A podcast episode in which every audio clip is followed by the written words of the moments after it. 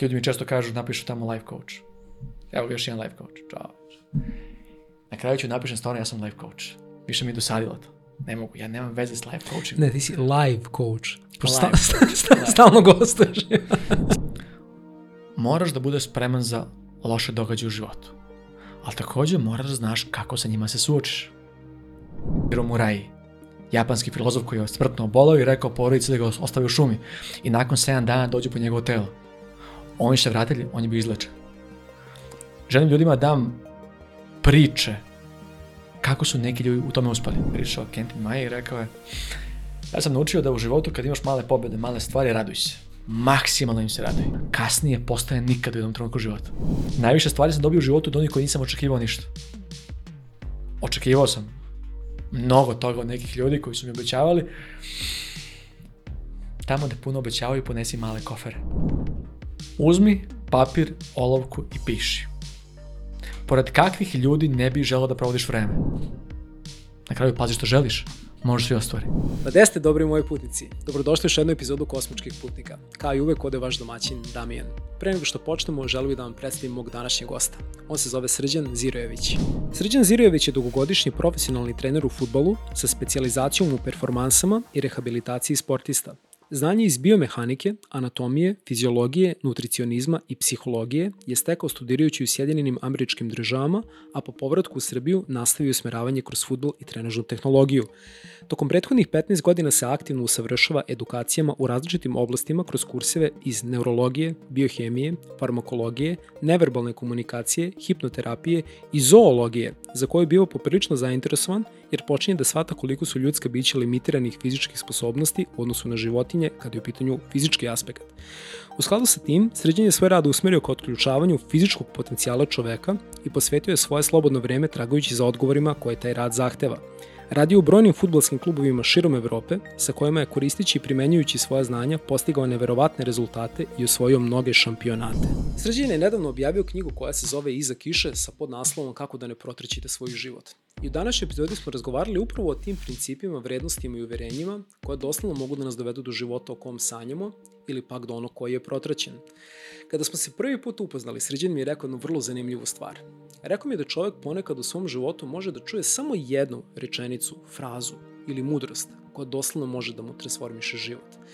I u današnjoj epizodi sređen je sa mnom podelio koja je bila ta rečenica koja njemu na neki način spasla i transformisala život.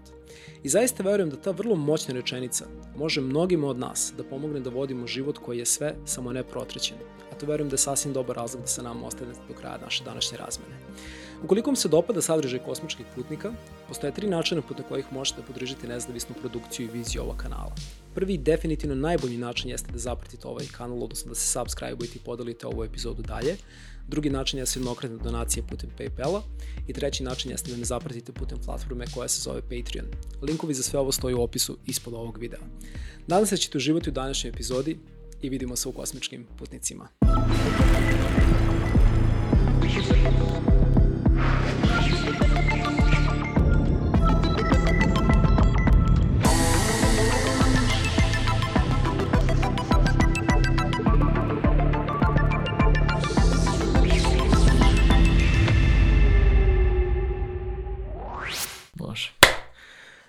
Srđane, čoveče, dobrodošao u Kosmičke putnike. Bolje te našao, hvala na pozivu. Kako si mi ovog jutra? Uspeli smo konačno da se iskombinujemo, poprilično izazovno bilo da uskladimo rasporede s obzirom da si neko ko je često i na putu, dosta si angažovan u sportu i u svojim naučnim istraživanjima, tako da baš mi je drago što danas imamo priliku uživo da razgovaramo. Bilo je čupavo, da. ali evo ga, stižemo s malo kašnjenja. Hajde, zašto ne, to Dobre, je jedna. Da. da. Svaki razgovor ima neku svoju težinu i, i, neko iskustvo koje čovjek treba da čuje, tako zašto ne? Jeste, jeste, slažem se ovaj s tim. Ovaj, apropo toga, želeo bih sad ovom prilikom i uživo da ti se zahvalim na predivnoj prilici koju si pružio i meni i moji supruzi time što si nas pozvao na prezentaciju svoje knjige koja se zove Iza kiše, odnosno kako da ne protraćite svoj život, koja se odrežala u Madlenijanumu 3. aprila i zaista je bilo fenomenalno iz više razloga, evo ja mogu da navedem dva. Prvi razlog je zato što si ti na jedan vrlo onako lep, ljudski i topao način ispričao jedan segment svog života i izazova koje si uspeo da prevaziđeš, a drugi je to što je Madelijanom bio pun do poslednjeg mesta. Mnogo je lepo bilo videti da se toliko ljudi prosto okupilo i da je došlo I broj ljudi na neki način, a i broj tvoje publike inače pokazuje da definitivno u Srbiji postoji veliki broj ljudi koji razmišlja o tome kako da ne protreći svoj život i zaista se bave tom nekom temom i traže odgovore na ta pitanja. Imali smo smešnu situaciju, stavimo mi ispred Marlinijanuma i sad naša ono, grupa ljudi, malo bilo ono hladno i sad svi onako cupkaju kako ćemo da unutra I sad prilazi neka žena i kaže, ok, stojimo svi od ispred, prepostavljam da smo svi došli iz istog razloga, ja sam tela pitao pošto trebamo da uđemo, ja se okrenem kažem da, po spasenje. I ono, znaš, ono, ono, ovo, krenuli ono, bukvalo ljudi ono u radijusu od 10 metara da, da, da, da se smeju, svi su se prepoznali ovaj, u tome. Um, što se tiče knjige, um, ne bih sad mnogo ulazio u detalje nje, proći ćemo kroz neke segmente, naravno kroz ovaj razgovor, i svakako bih svim svojim slušalcima i gledalcima predložio da je uzmi da je pročitaju. Ali to ono što bih te za početak pitao jeste da um, mi kažeš ovom prilikom šta je to što te navelo da napišeš jednu knjigu koju si nazvao Iza kiše, odnosno kako da ljudi ne protreće svoj život, recimo za moju publiku koja nije upoznata sa tvojim radom i generalno sa nekom tvojom ambicijom toga što komuniciraš? Hm. Mnogo je motiva. Mm. Više hipoteza zbog kako knjiga je nastala zapravo. Koji su razlozi. Možda je najinteresantniji onaj koji je vezan za... Teo sam da ohrabrim ljude prevashodno svoju decu. Jednog dana nešto mora da ostane za tebe u životu. Napiše knjigu da sadi drvo, ali tako, to su neke, neke stvari koje postoje. Želeo sam da, zapravo voleo, teo sam i da znam šta je, kako je razmišlja moj praded, moj čukun ded. Kakve je imao izazove u životu, kakve neprilike, kako je razmišljao o životu, o porodici, o, o postojanju. I ja to ne znam nije ostao ni jedan pisani podatak o tome. Čini mi se da sam za ovih 41 godinu prošao već dosta toga da naučim kako je to biti ličnost. Učimo se kroz život. I toliko nekih izazova su bili iza mene, ali nisam znao koji su pravi putevi zapravo. I ova knjiga je možda i podstrek za moju decu, moje unuke, praunuke. I onda je ljude koji mnogo mailova dobijamo u toku dana, u toku nedelje. Ne stignem da odgovorim uvek. Nije bilo moguće. Moram bi da sedim možda i mesec dana da odgovaram, po ceo dan da bi odgovorio na sve. Ali toliko ima tragičnih sudbina. Toliko ima ljudi koji se muče sa nekim životnim poteškoćama. Jednostavno. Želeo sam da im dam ohrabrenje. Na kraju krajeva i sebi da dam ohrabrenje, isto. I to nije loše. Tako da, sam naziv iza kiše je nastao kao jedan detalj mog života. Neka mala stvar. Kad ste dete uvijek maštate o mnogim stvarima. Imaš negde puno ideja, puno vizija kako nešto izgleda, kako bi moglo da izgleda. Radoznali smo kao deca.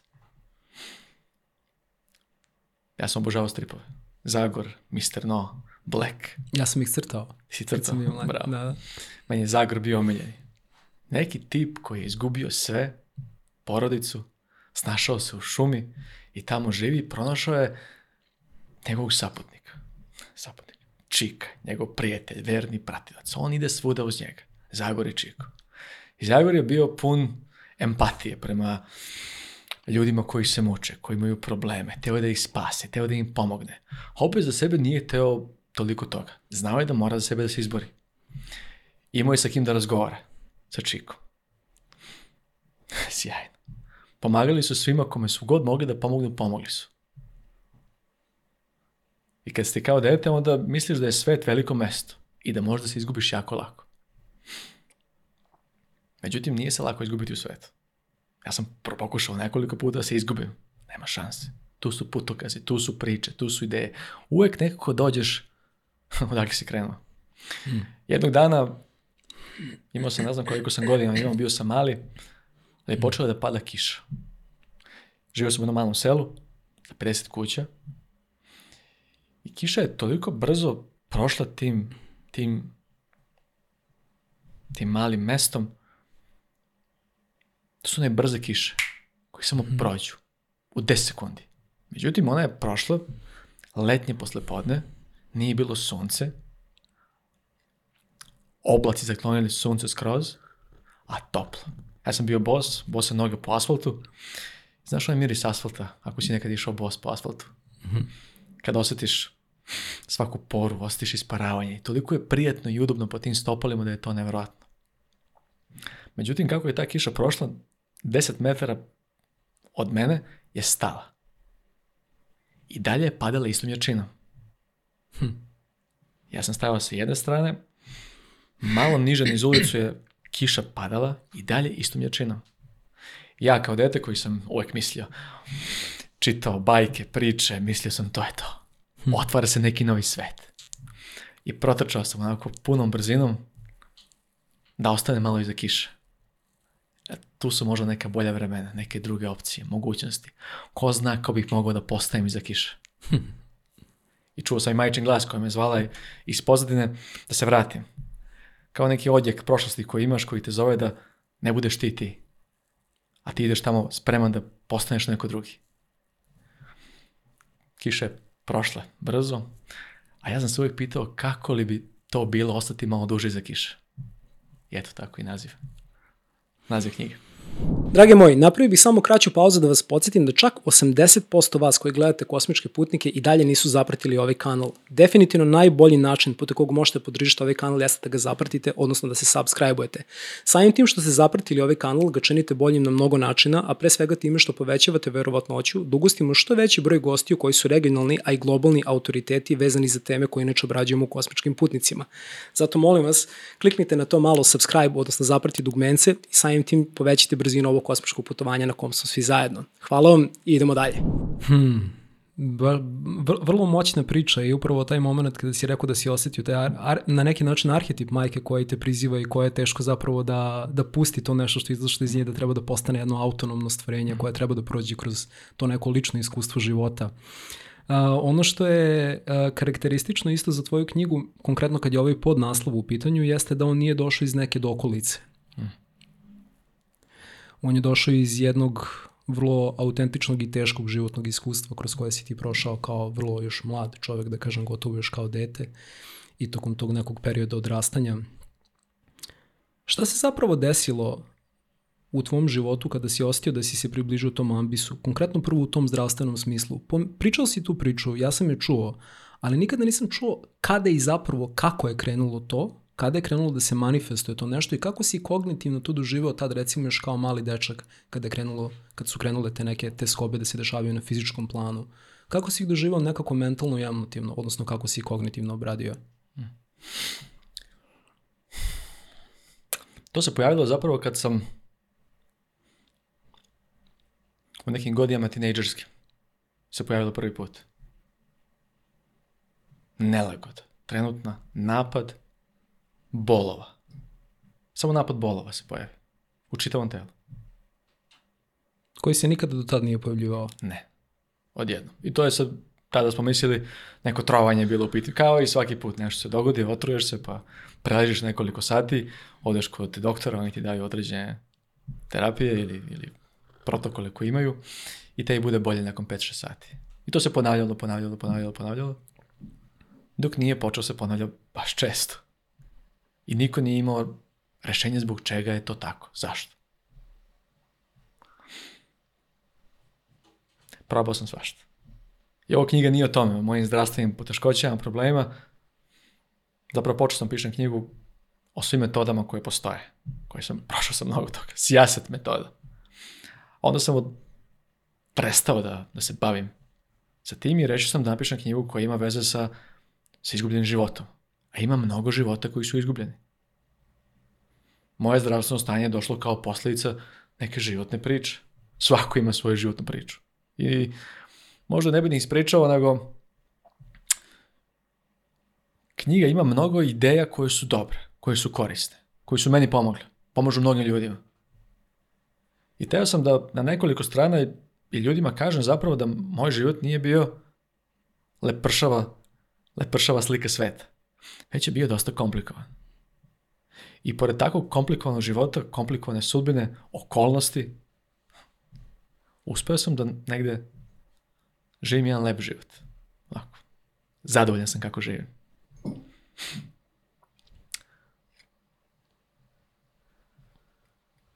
Zapravo ne znam ni kako najbolje opisati sebe u trenucima kada vas nešto boli, kada imate neke probleme, neke muke, kako to sve prevazići.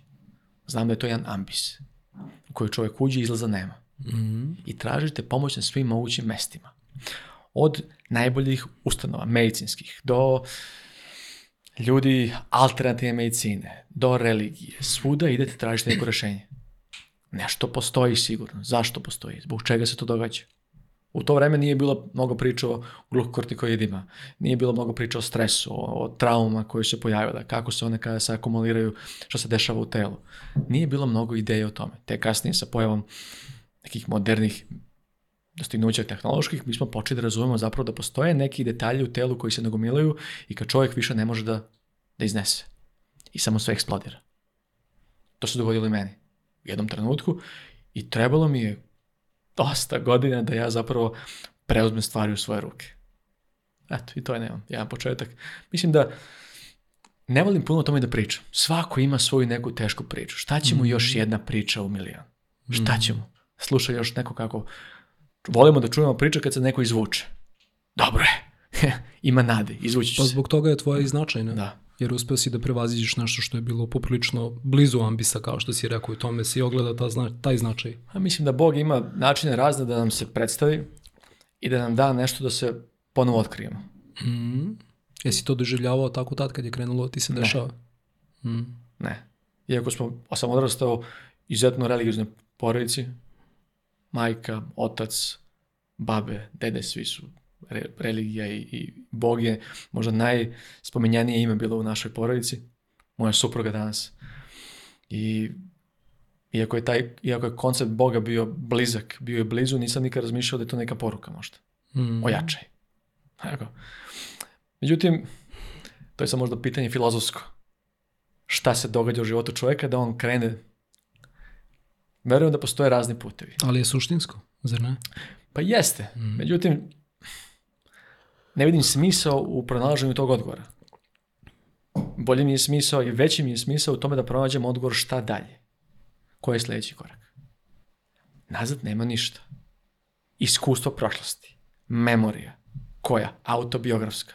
Da li je precizna? Nije. Zašto? Što pamtim one događaje koji su, kako sam ih ja vidio na taj način. Interesantno je sa memorijom da kada god pristupimo prethodnom iskustvu, slika je drugačija dopunjavamo. Nikada nije više događaj kao što se dogodio. Uvijek do, dopunimo jedan detalj mali. Gubimo slike neke koje su se dogodile, neki način si neki putevi koji se nisu spojili na pravi način. Mi to izgubimo i šta urodimo?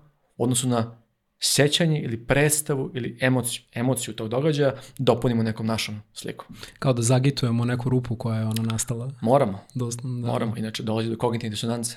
Mm. Dolazi do totalnog prekida svega onoga što, do, do iracionalnosti. Ne znam šta sad, totalni haos. Moram da saznam ko sam, gde sam, gde sam krenuo, kakvo je moje sećanje zapravo. I zato i, i ispričao sam prošlost, ljudima to bude interesantno, pa me pitaju, pa je dosta mojih i, i emisija sam gostovao vezano za te neke teme, iako ja o mom privatnom životu o tome uopšte ne pričam nikada i ljudi koji me poznaju kaže čoveče samo te neke teme. To je rezervisano samo za javnost. samo za javnost. Ne vidim značaj u tome. Mm. Značaj mi je sledeći korak. Šta mm. mogu da uradim danas ili sutra ili preko sutra da popravim svoj život. Da ga unapredim. Tako da mislim da je to značajnije mnogo. Zašto sam to pitao? Zato što si na svom predavanju baš naveo bio jedan moment koji je bio presudan, ajde da kažem, u tom nekom putu a to je bilo to jedno unut, te jedna pomisao kojoj bih u, zapravo u kojoj bih voleo da uđem jer ona mi je dosta onako moćna u toj svojoj, toj svojoj potentnosti, da kažem, da može da transformiše čoveka. A to je bilo kao šta bi uradio superheroj da je u tvojoj poziciji. I to je baš ostavilo jak utisak na mene, zato što očigledno je da ta neka patnja s kojom si se susreo bio te dovela bila do niza različitih transformacija uvida koji su te doveli do jednog takvog, da kažem, pomisli da možeš sebe da sagledaš u kontekstu superheroja. I šta je tu zapravo bilo u pitanju kada pričamo o toj pomisli? Da li je to neka vrsta pozitivnog uverenja, ali ono koje ima smisla, uverenje da je moguće život voditi na drugačiji način, da je moguće da se promenimo i da sebe sagledamo iz drugog ugla. Da li je u pitanju neko prepoznavanje ili predstava? Kako bi ti opisao tu transformativnu moć tog jednog stava koji si preuzeo bio u svom životu, koji je uticao na to da krene da se menja? Verujem da postoje rečenice koje ljudima promene život. I uglavnom rečenica promeni nekome život. To ne bude metoda, to ne bude ništa, nego bude rečenica. I toliko sam ljudi intervjuisao, sa toliko ljudi razgovarao. Svaki dan razgovaram u profesionalnom sportu, radim sa profesionalcima, njih sam naučio jako puno u svom životu. Jedna rečenica im promeni život. Jedna. Jedna pomisao promeni život. I zato verujem da su ovi razgovori bitni. Zbog toga i sam im pristao eto, da dolazim na u mnoge emisije, to što možda mislim da će neka moja rečenica nekom dečaku ili devojčici koji se muče s nekim problemima da od sat vremena svega i svačega što izgovorim, možda će jedan sekund da bude taj za njih. Da se promeni sve. Ja sam probao toliko toga. Ništa nije delovalo. To je komplikovano saznanje. Imaš porodicu koja zavisi od tebe. Treba da budeš muška figura, neko ko je snažan, ko je, ko je stabilan. Imaš muško i žensko dete. Ti si im reper za sutrašnji njihov život. Kako žele da sećaju svog detinjstva, na koji način? Imaš suprugu koja se udala za tebe jer si joj davao sigurnost, stabilnost. Ti si taj za nju. I odjednom ti si mlohav. Ne možeš sebi da pomogneš. Kako za njih da se pobrineš? meni je promenilo saznanje sve, zapravo slika. I onda pomisao. Vidio sam mog sina, koji je sedao na, na fotelji, čerka igrala sa majkom u drugoj sobi. I kada je ona ulazila u dnevnu sobu, ja sam pogledao mog sina u oči i video sam u njemu sebe. To je najteže saznanje koje sam mogao da, da dobijem u svom životu a nisam sebe tako nikada video. Ja sam super heroj u svojim očima. Junak. Iz filmova, iz bajki, iz priča. Tako sam svoj život doživljavao. Odjedno sam video jednog dečaka koji uči kako je to biti nemoćan. Skočio sam na sred dnevne sobe, uradio Joko Geri udarac u stranu, bočni udarac nogom u stranu, ko ne zna o čemu se radi i počeo da radi neke kate po sobi. Udarce. Sin me pogledao. Skočio sa fotelje, sa tog kreveta. Ja sam ga podigao u ruku. Čerka kad je ulazila, rekla je hoću ja. Podigao sam i njoj ruku. Svi su se smejali. Ušla je moja supruga Marijana i videla i rekla mi nemoj da radiš to, ne smiješ da ih dižeš. Znaš da je to problem. Ja sam rekao, to nam pomisa u glavi kad se dogodi tata ne može sve, samo me gledaj. Njih sam spustio, podigao i nju. Prebacio preko ramena i počeo trčim po sobi. Svi su se smejali. Odjedno sam vidio koliko je zapravo bitna uloga oca u porodici. Da učiniš svoju porodicu srećno i zadovoljno. Bar u jednom trenutku. Da im da priliku i opciju i šansu da se smeju. Jedan trenutak. Šta bi uradio superheroj junak mog filma, da se našao u mojoj situaciji. Da je video to sve oko sebe što se dešava. Kad imate neko stanje koje je nerešivo koje je komplikovano, ne želite da to vaše stanje promeni vaš dom iznutra. Niko se dugo nije bio smejao u toj našoj kući. Jer je bilo fokusirano sve na mene. Koliko godina, koliko meseci, dijagnoza nova, novi, nove neke stvari. Uloga oca je jako bitna. Uloga majke je jako bitna. Međutim, otac je, mora da, ja kao muškarac moram da gledam iz tog ugla, kako ću, kako ću sutra poruku da prenesem moje deci. Odrasli smo uz oca koji može da uradi sve što poželi. Ili se bar potrudi. Čak i ako ne uspe, sešće, ima da analizira taj događaj zbog čega nije uspio i da pokuša ponovo. Tako sam poruku teo da prenesem moje deci. I u tog trenutka je počeo moj besomučan rad na sebi, ali sam odbacio sve što sam ikada čuo i pristupio sam jasnim, jednostavnim i racionalnim stvarima na kraju koji su mi pomogli. Šta bi opisao kao jasne, jednostavne i racionalne stvari u tom smislu? Znači šta je bila neke od tih prvih smernica ka koji si se uputio u napuštanju starih obrazaca? Ja sam i master okupacijone terapije, pored performansi kojima se bavim, okupacijna terapija me zbog toga i privukla. Šta ona predstavlja? Nije, nije, nije mi poznala, a verujem da nije ni nekim gledocima. Okupacijna terapija ima nekoliko svojih obrazaca. Ljudi koji imaju fizičke, kognitivne poteškoće ili neke povrede koje su nastale, okupacijna terapija pokušava jasnim rutinama, sistemima, tehnologijom da im omogući Pravovremeno vraćanje u život. Da im mogući izviniti? Pravovremeno vraćanje Pravovremeno. u život. Aha, Da, da. I mislim da je to jako bitno. Jer sam video zapravo koliko su male rutine značajne. Imam dosta prijatelja inostranstvu koji su okupacioni terapeuti i svidelo mi se kako oni rade sa običnim ljudima. Na koji način? Okupacijom. Prava okupacija je put do smisla. Prava okupacija je put do boljeg života. Prava okupacija je put do dobre veze prava okupacija je put odnosa sa sobom. Najjednostavnije. Ustani ujutru, napravi svoj plan. Ko želiš da postaneš u životu? To mnogi ne znaju. Ovo sam rekao stotinu puta. Ko ne želiš da postaneš? Kako ne želiš da živiš? Ko ne želiš da budeš? Sa kim ne želiš da provodiš vreme? Šta ne želiš da jedeš? Na to je To je banalan plan svih stvari koje ti za sebe ne želiš. Kako ne želim da sedim? Da se smejem? Da razmišljam? Napiši. Sad kad imaš to ispred sebe, iako još uvek ne znaš ko bi mogao da postaneš, ti želiš da uzmeš sve te stvari koje ne želiš i da pokušaš da svaki dan, jedan sekund, jedan minut, tri minut, se pozabaviš tim detaljima ima smisla. Za mene imalo smisla. Ne želim da se osjećam loše. Kako da promeniš to? Jer da li neko za mene ima rešenje? Nema. Dobro. Šta mogu da uradim? Hajde pokušam ja da radim neke stvari koje se meni dopadaju u životu. Pa sam ponovo otvorio svoju kolekciju stripova. Da čitam nešto kao dečak što sam radio. I video sam posle 10 minuta da to nije to. O prošlosti nema ništa. Ne događa se ništa tamo. Šta bi još mogo da uradim? Znamo kako je ličnost sklopljena, od kojih mehanizama. I znamo da postoje jasni koraci kako nešto može se promeni. Od fizičkih aspekata, trening, borilački sport. Nisam se toliko bio dugo bavio tim borilačkim sportom. Nedostajalo mi je. I onda sam jedno jutro ustao i otišao ponovo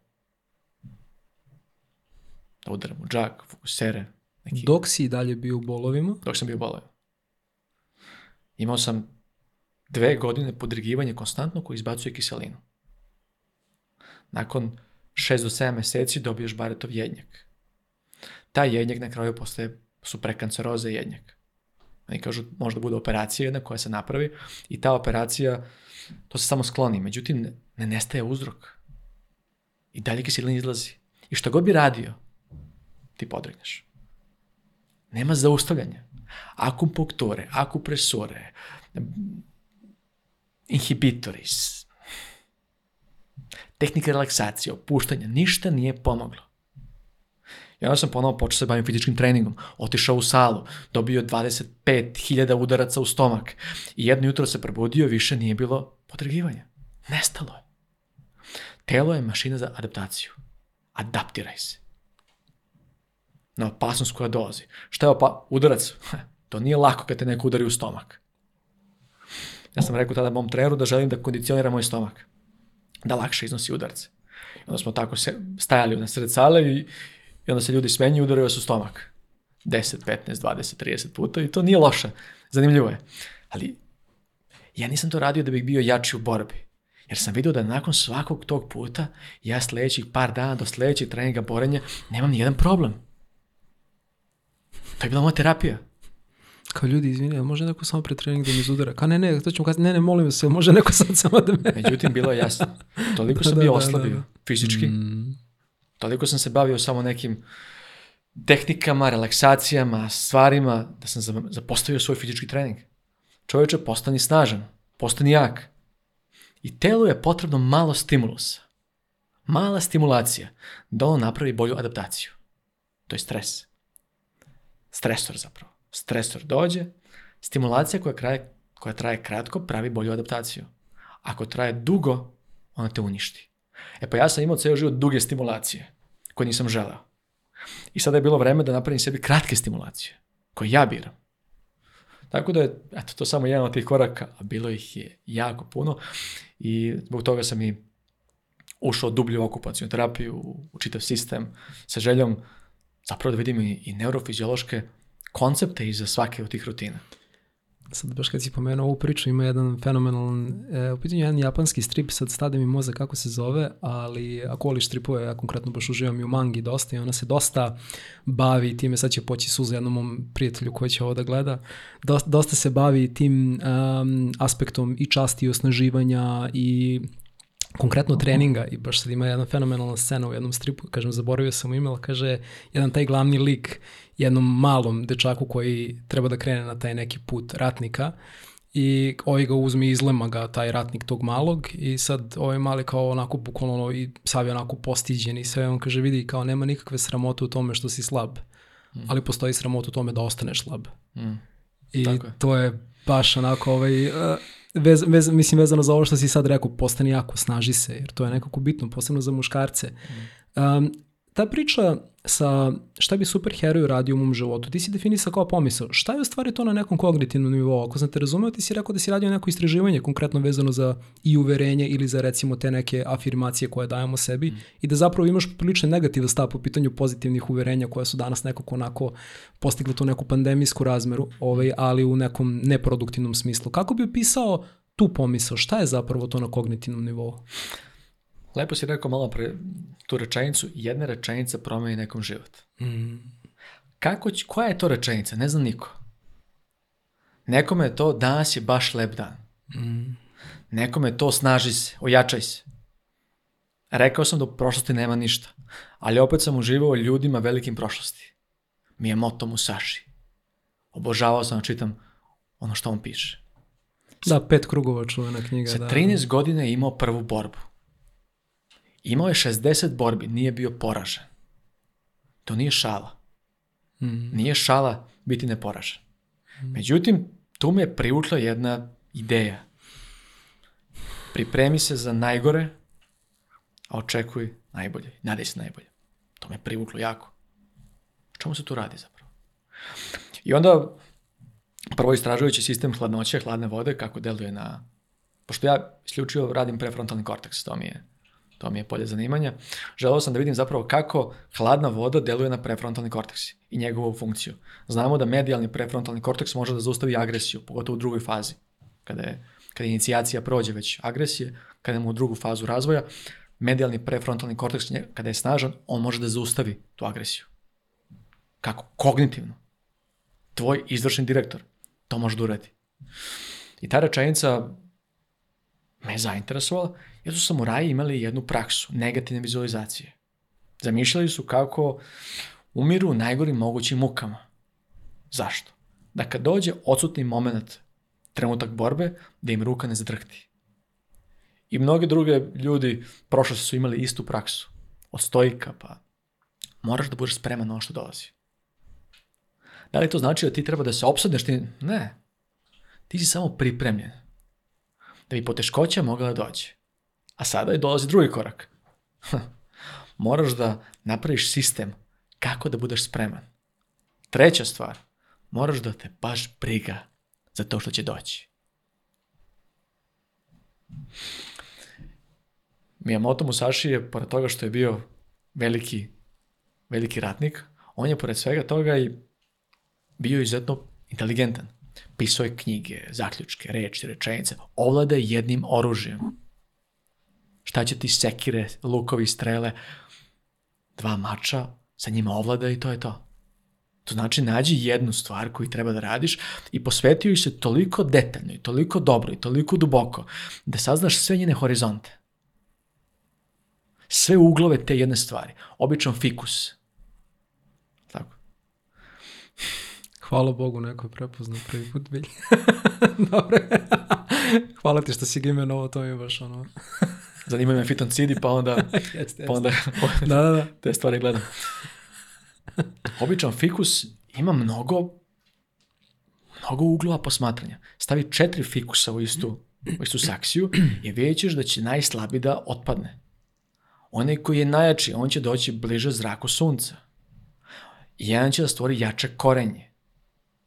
Međutim, to nije uvek jedan, to su dvojica. Možda i tri u odnosu na četiri. Jedan otpadne. Odruživanje snaga, da postanemo bolji, dobar prijatelj. Alfa mužijak u čoporu postaje tako što ima mužijaka koji, koji ga podržavaju. Ja sam počeo prvo istraživanje na hladnoj vodi da vidim kako deluju priprema za hladnu vodu ili strah ka hladnoj vodi, kako deluje na prefrontalni korteks. Strčava variabilnost, razne parametre, temperaturu kože i tako dalje. Da ljude ne zamaramo sa tim detaljima, možda i to ne zanima toliko. Što da Međutim, ne, zanimljivo je. Video da. sam zapravo da kada si spreman za ono što dolazi i kada znaš koliko će to da traje, uh-huh. intenzitet, obim, da je tvoja kontrola, da odgovor stresa u telu nije isti. Mm. I to je čitava ideja sa stresom.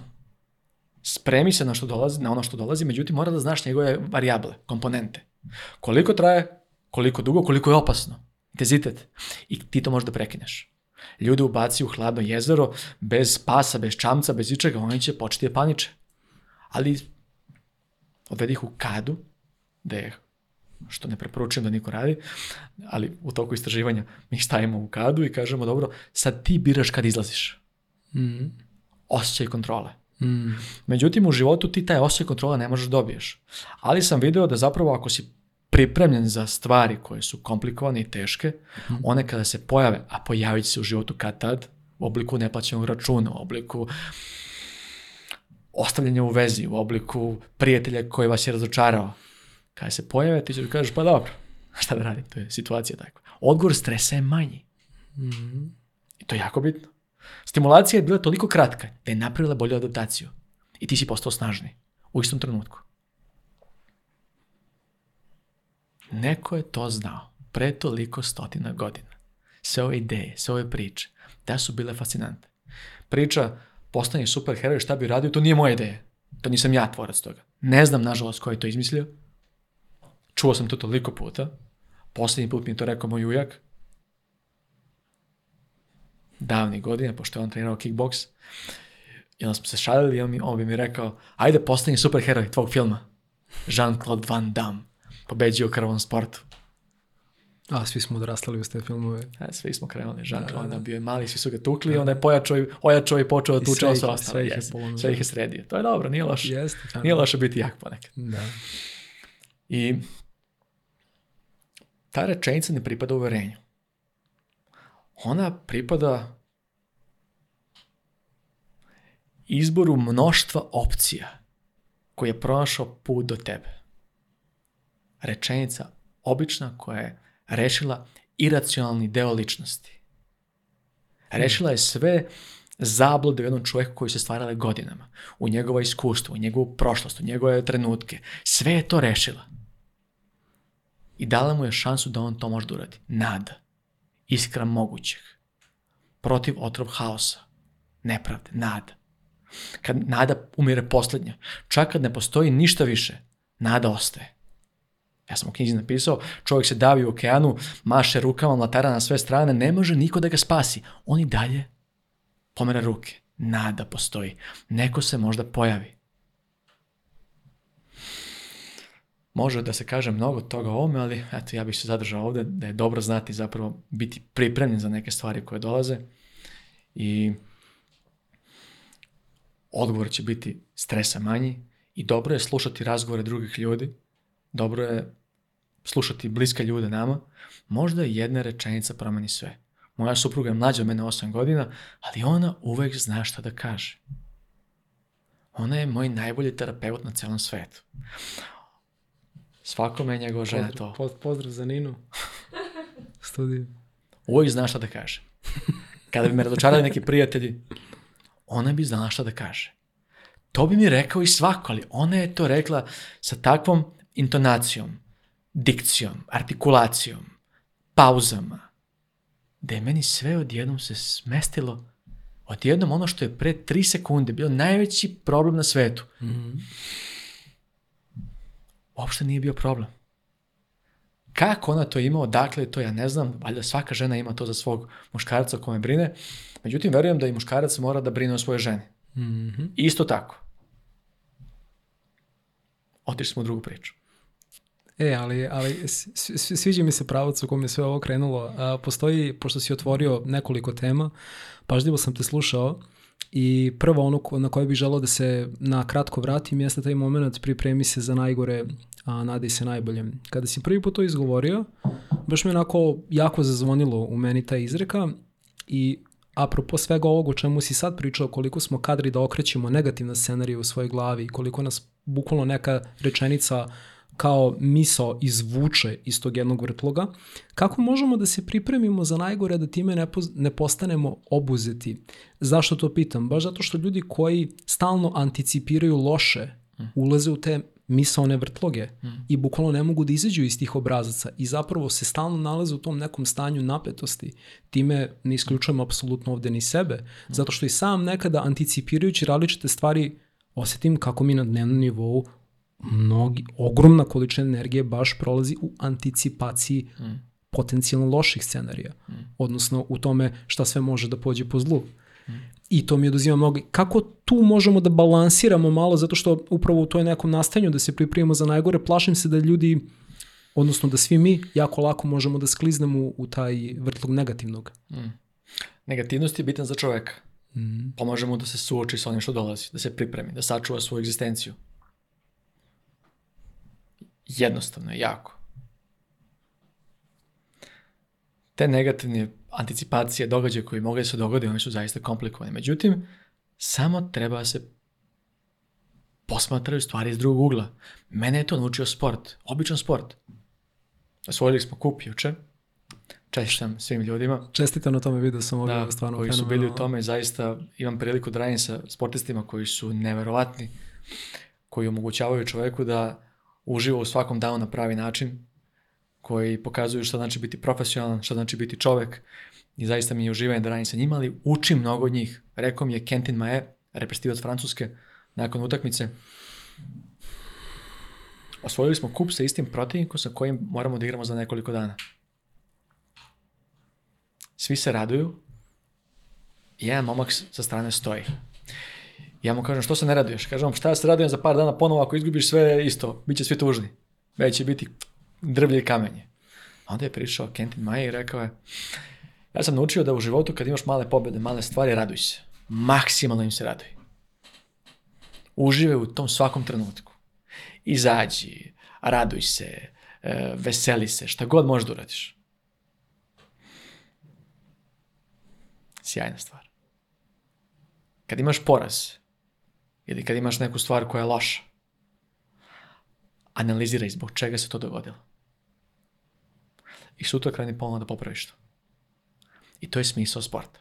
Igraš utakmicu, izgubiš, analiziraš, pogledaš greške, ispraviš greške, radiš na greškama, pokušaš ponovo. Izgubiš ponovo, analiziraš greške, ostraniš uljeze, oni koji igraju slabije, to je tako nekada u trenerskom poslu, ubaciš neko drugo kome je sad trenutak, tom uljezi bila vaša reč, neko ko nije imao bio trenutak trenutno. Pozdrav Zuljez. Da, ti ga ostraniš, međutim taj kome nije bio trenutak, on sledeću utakmicu bude najbolji. Mm.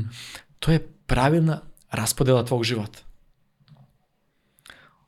Moraš da budeš spreman za loše događaje u životu. Ali takođe moraš da znaš kako sa njima se suočiš. Šta ako se dogodi ovo? Šta ako izgubim posao? Pa šta? Naćeš drugi posao. Šta ako me ostavi devojka? Još bolje. Šta to je ostavila kasnije? Kad imaš sa njom decu. E, to je problem. Šta ako me svi razočaraju iz nevere? Sjajno. Bar znaš na koga više nema, ne računaš. Šta ako se razbolim i umrem? Svi će jednog dana umreti. Šta možda radiš do tog trenutka? Kako možda pristupiš svom životu?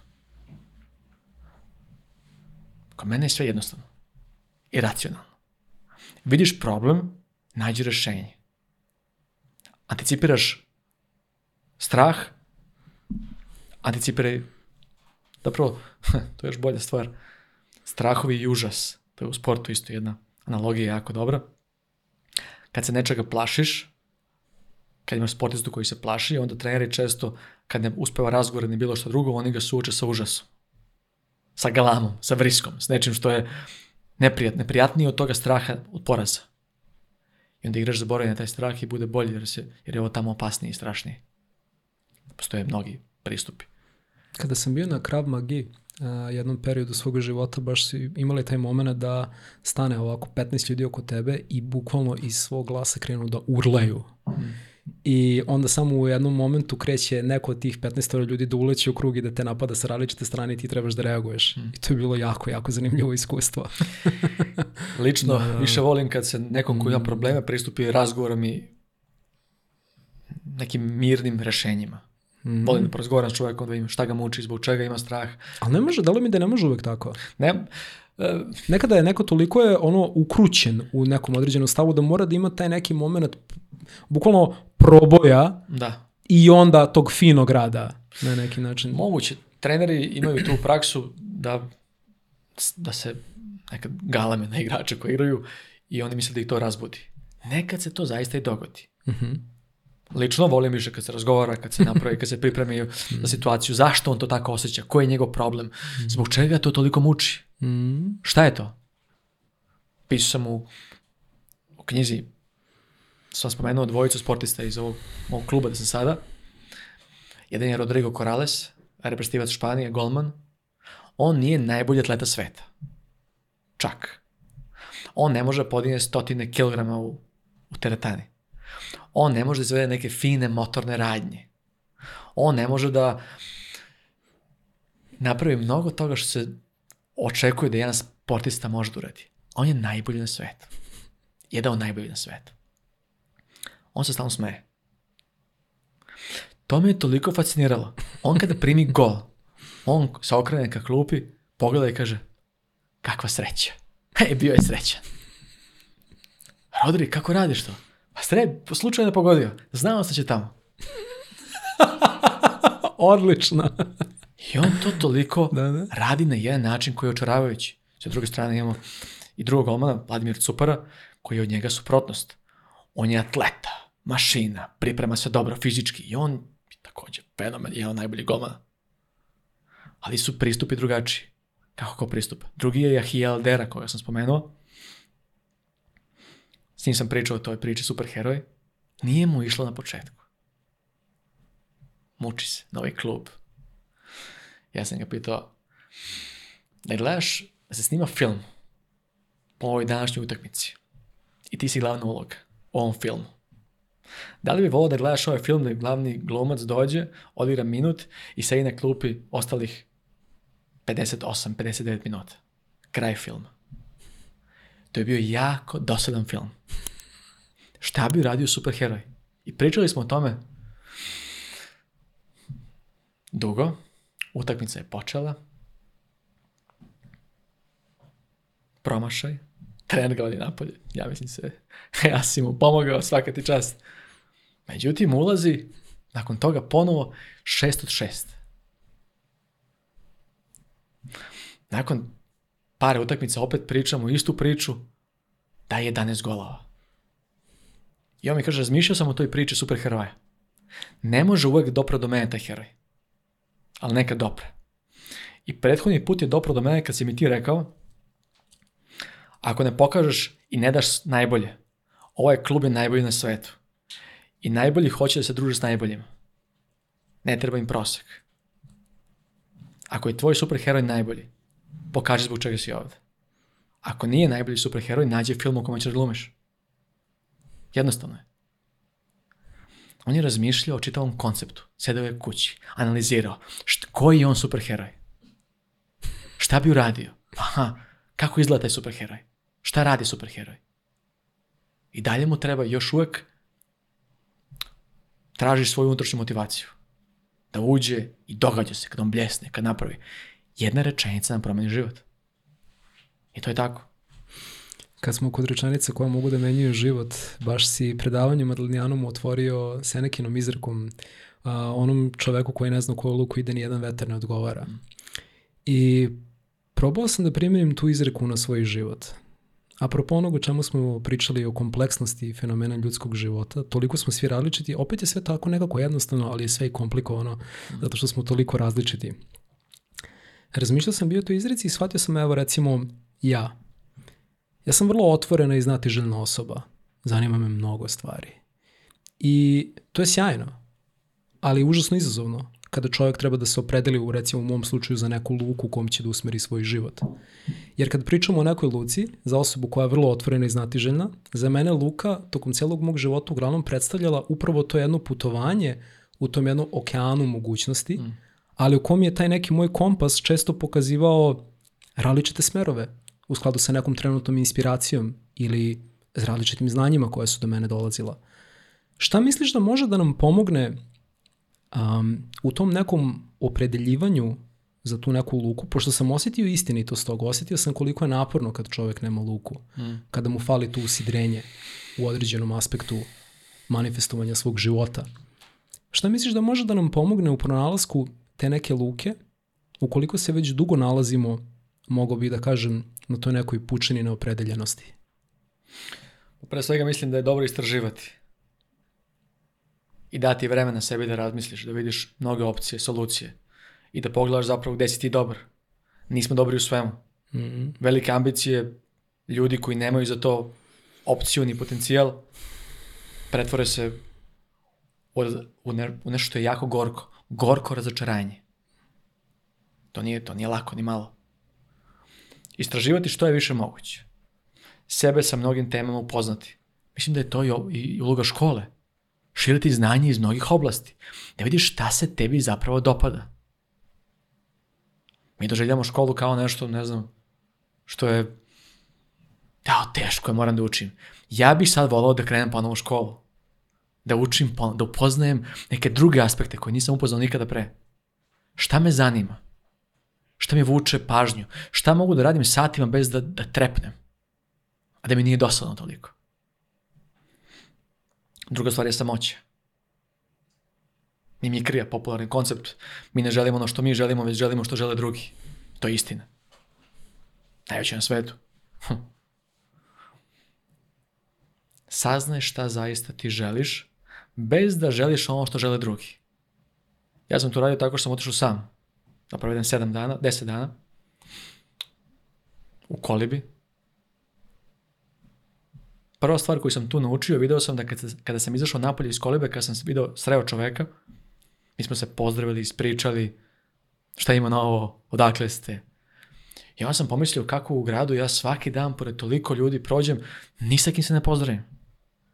Bila mi je potrebna šuma, priroda, samoća i slučajni prolaznik – da mi stanemo i počnemo da pričamo. To me onako, dobro, ali nije logično u gradu da stanem sa svima da se pozdravljam. ne bi nikad stigao tamo sam krenuo. To je, to je najbitnije. U toj samoći čovjek otkrije mnogo toga. Prva tri dana ti bude dosadno jako. Misliš o svemu. Gde ti je telefon? Šta se dešava kod ljudi, kod prijatelja? I Musashi je rekao, izbegavaj da radiš zadovoljstva samo zato što su prijatne. I što te vode ka tome. Danas imamo zadovoljstva više nego ikada u istoriji čovečanstva. Telefon, evo, dopamin je krenuo. Izbegaj zadovoljstvo. U toj samoći čovjek tri dana nauči da nešto moraš da počneš da radiš. Šta? Ne znam. Odjednom, na kraju sam, na kraju tih šest ili sedmi dan, zaboravio sam tačno kada je bilo, to sam u knjizi opisao detaljno, dogodilo se nešto spektakularno. Ono o čemu sam stalno maštao se dogodilo. Vlasnica koliba mi je ostavila bocu vina. Ja vino ne pijem. Ja volim čaj da pijem. I često kad sam maštao, razmišljao sam kako, kako ću da kako pišem knjigu, pošto sam počeo pišem knjigu sa 18 godina, blago staklenih planina, nisam još završio. Zamišljao sam kako sam dobar, bit ću da jednog dana pisac, živjet od pisanja, to će biti moj, moj poziv. Maštao sam mnogo toga, međutim u toj mašti ja sam sedao u kolibi i bilo je pored bila je pored mene boca vina i čaj. Nisam nikad znao dakle tu vino i čaj. Ja čak vino i ne pijem. Pa sam pomislio, a možda neki, neka dekoracija. Odjednom ta slika je bila tu. Flaša vina i moj čaj. I sjetio sam se pisanja. I počeo sam da pišem. Pisao sam nekoliko dana dani su mi tako brzo prolazili. Nije me zanimalo ništa. Nisam telefon uzeo ruke. Ništa. Jednostavno kad me žena pozove šta radi, moram da se javim. Da ne bude problema. to, je, to je dobro. Malo samoće, malo životnih opcija koje smo pre toga otkrili i malo samoće mi je pomoglo da saznam zapravo šta bih ja želeo da radim. Dečije, dečiji snovi i fantazije. Kad smo deca, svi smo maštali da budemo neki junaci i heroji. Na kraju neko postane zlikovac. To je tako. I najveći zlikovci su nekad bili heroji, pa su ih razočarali, izdali, izneverili, pa su te da se revanširaju. Tako to nastaje. Tako da, čini mi se da ljudi kad ne znaju šta hoće u života, ne znaju ka čemu se opredele, morali bi da daju sebi vremena, da se ne pritiskaju. Moram da se opredelim vreme. Nije vreme. Vreme je kad tvoje bude vreme. Kad će biti tvoje vreme? Kad ti klikne. Mhm. Kako znaš da je kliknulo? Znaćeš. Ja ne mogu ti kažem kako. To ne može, ne, ne znam, ako neko to može da kaže, ne kaže. Ja ne znam što znači. Samo klikne. I kaže, čoveč, pa ovo je moje, ovo je za mene. Mhm. Ovo je prava stvar. Da, to je jedno duboko unutrašnje prepoznavanje. Ti ga prepoznaš kad dođe. Dogodi se. Ne volim puno da filozofiramo o tim stvarima koji su jednostavne. I to je tako. Onaj ko zna, on zna. Kad vidiš partnera pravog za svoj život, ti znaš da je, da je da ona taj ili da je on taj. Znaš. u trenutka znaš. Tu nema dileme.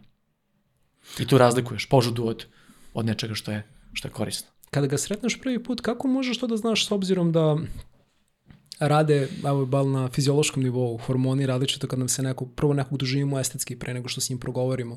O tome si na neki način i pričao bio u svom predavanju.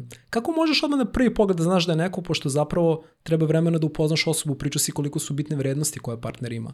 Ne možeš da znaš koje su mu vrednosti time što si ga pogledao. Mislim, mm. možeš u nekom određenom smislu, ali ne u nekom potpunom. Mm. Šta si ti još zapravo teo da kažeš kada odmah znaš da je neko za tebe? Postoje dva, dva načina na koji čovek dolazi do otkrića.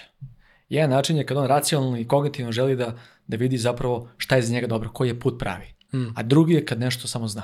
Mm -hmm. Taj drugi put... Intuicija. Nazovimo je. Kako god da, da je nazovemo, šta god da radimo, ali taj, to se dogodi u jednom trenutku. Međutim, mnogi pogreše. Ona je sve slabija. Sve manje aktivna, sve manje precizna, sve više ljude navodi na greške. Zašto? Jer smo okruženi sa mnogim stimulusima. Mm Više ne znamo šta je dobro, šta nije, šta je korisno, šta nije korisno. Zašto? Pa stvorio si ličnost jednu.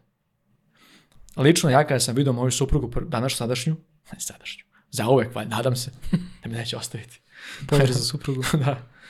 Kada sam video prvi put, znao sam da je ona ta.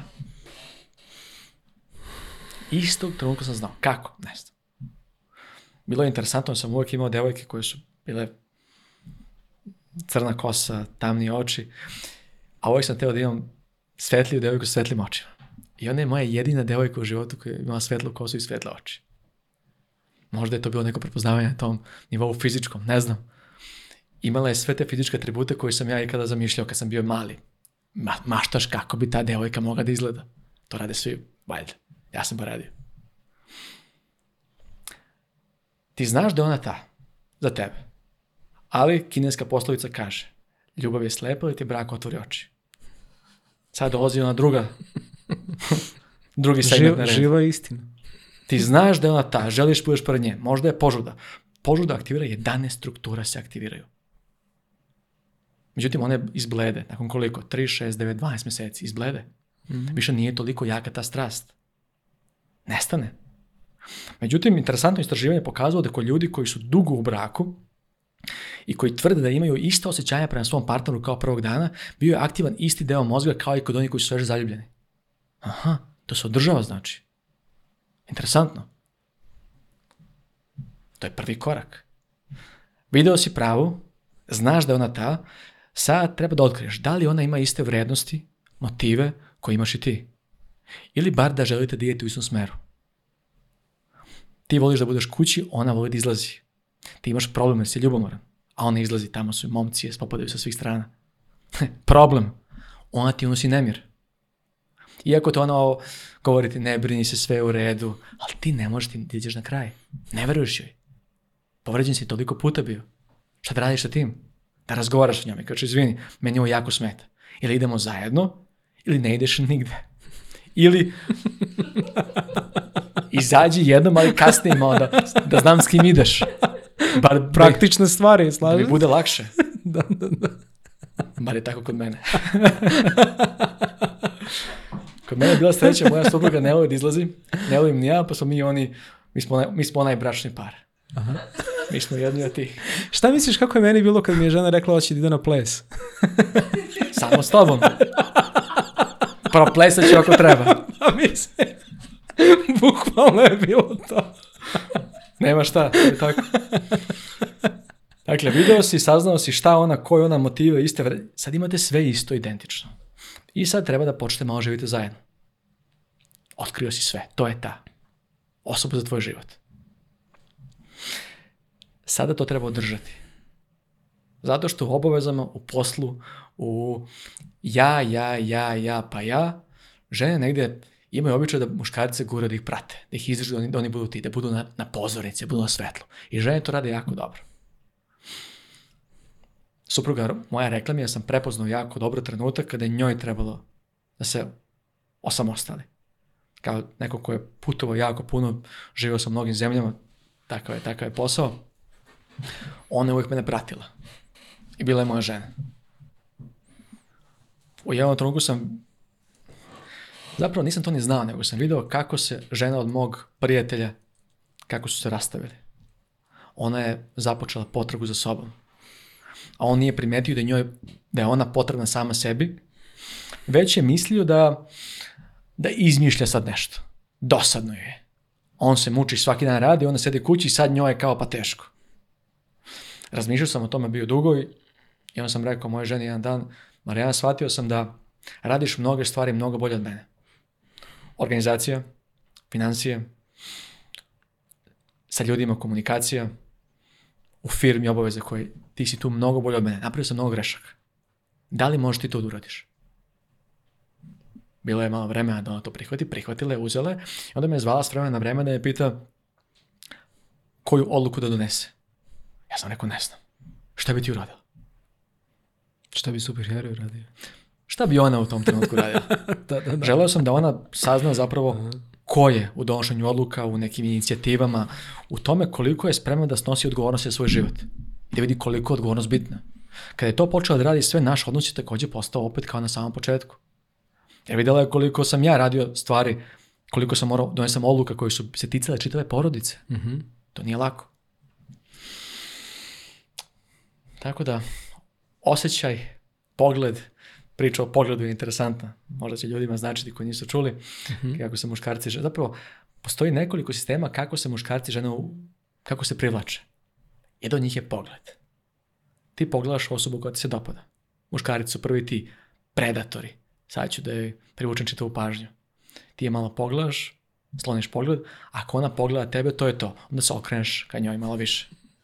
Ako ona odgovori zabacivanjem kose, slanjem pogleda, pa ti daje još neki smešak, ti priđeš.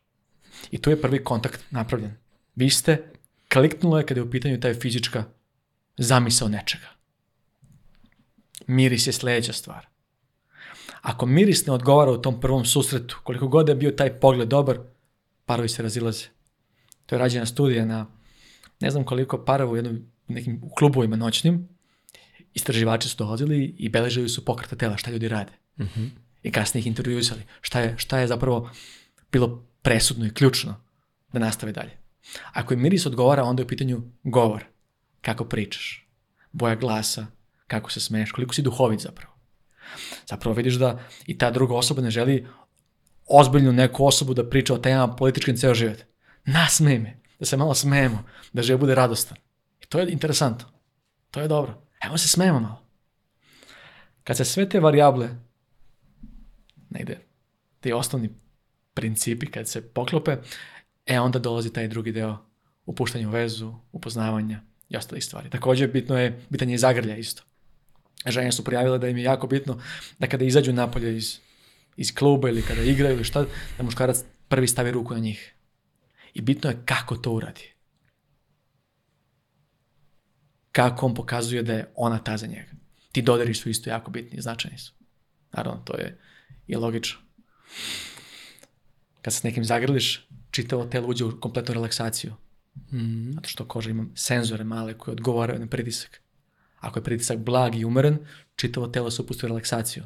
Zato je zagrljaj dobar i bitan. I može dosta da se nauči čoveku po tome kada ga zagrliš kako te je zagrlio. Jeste, tako. To je neverovatno tako. koliko, to je toliko jedna onako mm.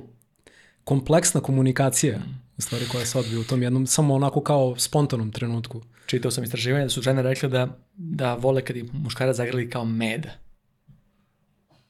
Kao meda? Da. Jel ima smisla? Jel te grlim, jel te grlim kao meda? Dobro. Da. ja sam bio nekom, eh, da? bio sam nekom treningu, eh, Slobodan Maksimović, da. pozdravljam ga sada. da. I ja radili smo u jiu-jitsu i moja žena je bila tu da snima šta mi radimo. Aha. I ona kaže, kakav je ovo sport? Zagrli me kao meda, približi se bliže, priđi mi bliže kukojima, stavi mi nogu na glavu, šta je to?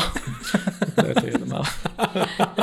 da, džiu može da deluje onako poprilično intimno. da, deluje intimno, tako. Ali eto, žene očigledno vole kad muškara zagrli kao meda, ali to meda ja karakterišem kao blag dodir koji obuhvati čitavo telo da se osjećaju ušuškano, ja sam rekao da taj ne, ne oštar pritisak, već duboki pritisak, širok pritisak na površinu kože pravi relaksaciju zbog tih senzora unutar naše kože. To je zaista sjajno. Mm, ušli smo malo partnerske odnose i ovaj, dra drago mi je što nekako razgovor odgravitira u tom pracu i nekako mi je isto mnogo drago što imam priliku da ugostim goste koji imaju neke dugoročne i smislene odnose partnerske. Uh, I uvek koristim tu priliku da, da skrenem pažnju ljudima da je taj partnerski odnos, ukoliko je dobar i funkcionalan, nebitno je da li ljudi veruju ili ne veruju u Boga, ali bukvalno put ka Bogu, šta god to značilo za tu neku osobu. Zato što mislim da prilika koju možemo da imamo sa drugom dušom u ovom svetu, ukoliko su obe duše spremne da rade na tom odnosu, može da dođe do nekog fenomena, ja sam sa svojom suprugom 13 godina, ajde da kažem, u braku smo tehnički kad smo se upoznali, ali smo to zvaničili pre 7 godina, 6 godina, izvini. da, to je samo broj ovaj, za mene. I dolazi do tog momenta da, kad pričamo o kogniciji, hmm. recimo, toliko ste zajedno i toliko krećete da delite misli i energiju, da bukvalno u jednom trenutku, ako su obe osobe spremne na to, da sebe u tom nekom starom kontekstu doprinesu tom plamenu tog jednog novog odnosa koji su zajedno inicirali, bukvalno dođe do stapanja. Mm. I onda si doslovno postajete jedno. Ali onda u jednom trenutku kažeš ali čak je to i dalje živa osoba sa nekim svojim afinitetima da dođe do odvajanja. Mm. Pa onda opet dođe do stapanja. I to su jako čudni momenti. Mislim, za, za to baš mora da postoji obostrana spremnost, ali mislim da je neverovatan neverovatan doživljaj kada dođe do tako nečega. Šta može da se desi između dve duše na ovom svetu kada su mm. spremne da rade i da se otvore, zato što dug partnerski odnos je užasno težak. Koliko god neko rekao da je lak, neko može da bude 60 godina u braku, a da ima katastrofalan odnos. Mm. Kada postoji ta spremnost, polje u koje mogu da uđete do duše nešto zaista, nešto, nešto potpuno neverovatno. I zato, zato, zato to nazivam bukvalno putom ka Bogu. Zato što ti se doslovno, odri, mislim kao odričeš se tog nekog starog dela sebe, padaju sve maske, sve se ruši. Ti si ogoljen pred nekom osobom do kraja. I to poverenje koje ti daješ toj osobi u tom nekom trenutku je ogromno. I naravno ukoliko ona spremno da uradi to isto i osjećate da postoji to poverenje, da neće ni jedan ni drugi biti povređen. Mm, mm. Zato što ti doslovno na trenutku skineš taj neki uh, os, osnovni štit koji štiti neki taj tvoj integritet odvojenosti i ti se stapaš u jedno. Mm. I to je bukvalno u tom nekom metafizičkom smislu preneseno kad se stopimo, na primjer, kada umremo, mm. se stapamo s tim nečim iz čega smo potencijalno došli. Mm. To mi je vrlo zanimljivo. Monah mi je rekao, kada se dve osobe venčaju, voda se pretvara u vino. Mm. Kakva je to transformacija čarobna? Mm. Voda u vino. Neverovatno. Postoji naravno značenje zbog čega vam to tako rekao, ali da ne idemo Ja sam vidio kako sam ja to doživeo. Zanima me baš koje značenje. Nisam čuo nikada, ali mi zvuči mnogo, mnogo zanimljivo. Interesantno. Ne da. znam, Mo, može ako, i... se, ako si se venčao u crkvi, onda znaš da uglavnom... I, i, uglavnom, i kroz tvoje iskustvo mogu da, da, da, da. Meni je bilo interesantno zapravo da voda se pretvara u vino. Vino može biti korisno. Čaša vina na dan dobra je za nastavak života. Čaša vina je dobra za čoveka koji je izboren svakodnevnim obavezama i problemima. Previše čaša vina je loše. Ideš u probleme, ali tako? Ali jedna mala, mali gutlja vina čoveka opusti. Spreman si da ideš kroz, da se relaksiraš u, u svom porodičnom domu. Ja sam to doživio kao imaš ciljeve, želje, planove. I odjednom više nisi sam u svemu tome. Mm-hmm. Nego dolazi još jedna osoba koja radi zajedno sa tobom. I ne samo to, nego dodaje i njene ciljeve i njene planove. I ti shvataš da su tvoji bili glupi. Da on ima neke bolje ideje. Odbacuješ sve ono ko si ti bio i prihvataš njeno. Ako ti tako izabereš, što mi je rekao Mark Leichner, moj trener s kojim sam radio, on je inače judista, ali je bio i MMA borac, fantastičan momak čini mi se da je on na mene najviše uticao u tom sistemu da, da se posmatra borba kroz filozofiju života. Ako ti tako izabereš, sve što radiš možda pretvoriš svoj život. Kao na priča moja o sportu na početku, imaš poraz, analiziraj poraz, vidi gde si pogrešio i pokušaj ponovo. Pokušaj to u svom životu. Da god si neuspešan, imam posao koji je loš. Svaki dan imam probleme s ljudima. Sedi kući, uzmi papir i olovku i zapisuj. Zbog čega imaš loše odnose s ljudima? Kako uđeš u tu firmu? Kakav ti je prvi korak? Kao žrtva ili kao neko ko je zadovoljan i siguran u sebe? Nek to bude početak. Kakav ti je prvi kontakt sa ljudima? Kako ti oni odgovaraju? Kako ti odgovaraš? Kako rešavaš probleme? Da li ih slušaš? Da li oni tebe slušaju? Razloži sve u detalje vidi gde greš i popravi to. I to je ta popravka. Ja sam objavio bio neku priču popravci, ljudi kažu, ma, nije to tako lako, ličnost se duboka, to su površne teme. Nisu te teme površne. Ja jako dobro svoje materije istražim. Mm-hmm. I nisam objavio nikad ništa što nisam istražio jako dobro. Izuzetno dobro. I društvene mreže su interesantne zato što ljudi vrlo brzo skoče neki zaključak. Napišu nešto jako brzo. I odmah 80.000 različitih mišljenja u vezi jedne teme. Isto trenutka. Ne, I to ne može da se zustavi, to je ne. tako. To je tako, to je tako. A to je dobro da vidiš zapravo kako ljudi funkcionišu, mm. na koji mm. način. Vidiš da mm. mnogi su iracionalni, nerazumni. Postoji velika, veliki broj razumnih ljudi koji razmišljaju fantastično. Da, čak i mnogo veći broj nego koliko inače mislimo. A, tako je. I to je pre, da, ja nekad je... čitam komentaru, dušavim se. Vidi mm. kako razmišljanje ovog čoveka. Da, da. Ili ove žene, fenomenalno. A postoje drugi koji skoče odmah nešto im zasmeta, pa krenu, a ovo nije dobro, popravi ličnost. Da, popravi. Mm, okidači. Gde si? Koji ti je problem? Ja ne želim, ova, ova potreba, neko je napisao, to sam pročitao komentar, zapamtio sam, moram da kažem ovo. Ova potreba za svima da nam kažu kako da se izložimo e, nelagodi, kako da uradimo od sebe nešto neprijatno, da će nam biti bolje, više preko glave. Želim da želim život, da ne želim ništa, da ovako živim normalno, ali ko ti brani? Pa živim normalno. To, da, da, da, da. da. Živim. Zašto uopšte obraćaš pažnju na to objavu? Ako ti je ako, super i ako, ako ti je tebi super. Da, da, da. Ne, nego postoji nešto duboko unutar osobe. Mm. Njoj je to potrebno. Preko glave je svega. I ona bi deo toga. Ali već je naučila svoju ličnost godinama. Da to tako ne može. Neki deo uverenja koji stoje. Uverenjima priča afirmacijama. Ja sam rekao samo da je uverenje da je loše rešenje uverenja koje se nudi. Uverenja su bitne vode do života, to sam napisao u knjizi. Jako bitne. Mi ih stvaramo tokom života. Što bi rekli, to nije deo mog kolača. Više sam tip koji je praktičan. Primeti, zapiši, ja se vodim na zapisivanje. To mi je osnova mog života. Zapišem misli koje imam danas, neku temu koja mi je bitna, sutra je napišem ponovo. Ali kontra argumentom. I tu čovjek može da vidi zapravo da on ima dva mišljenja o istoj temi. Koju je u pravu? Ovaj danas ili ovaj juče? Pisanje na naprednija verzija razmišljanja. Onda vidiš da obe osobe nedostaje im znanja o temi. Dobro? Ajde nauče ove osobe nešto o ovoj temi. Bar tako ja radim. To je moj pristup životu.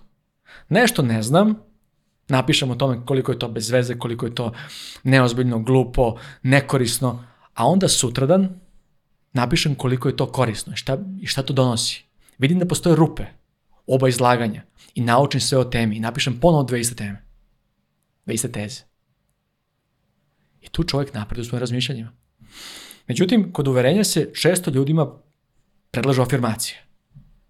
Da, o tome si baš često skretao pažnju u svom radu. Međutim, istraživanje iz 80. godine, japansko istraživanje pokazuje da kod testova izdržljivosti, ljudi koji voze bicikl hmm da ako govore pozitivno, ja to mogu, ja to mogu, ja to mogu, ja to mogu, ja to mogu, ljudi koji govore negativno, ja ne mogu ovo, nema šanse da držim, ljudi koji kažu ovo je jako teško, ali uspeću, ovi poslednji najduže izdrže.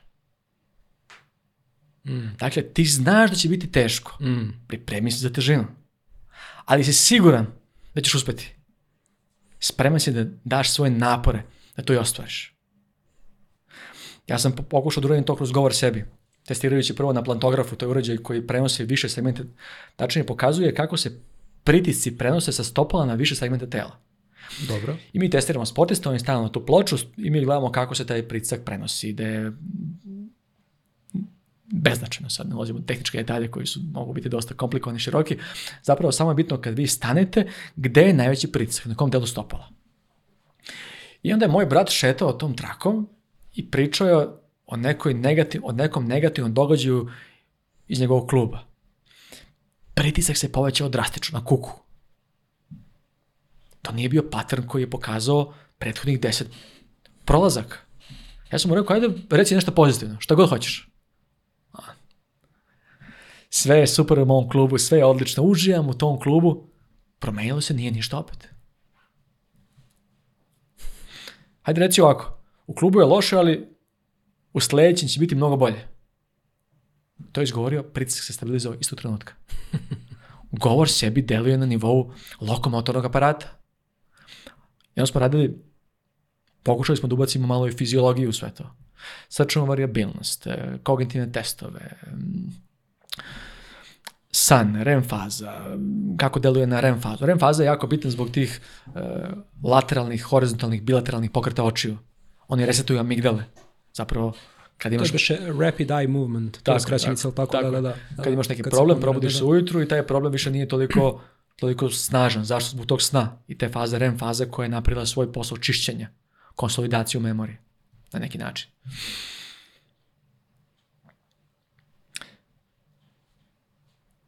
Ali moram ovo da kažem, pre da, da, da, svega, ovo je bitno. Da, da, da. Dakle, govor sebi deluje.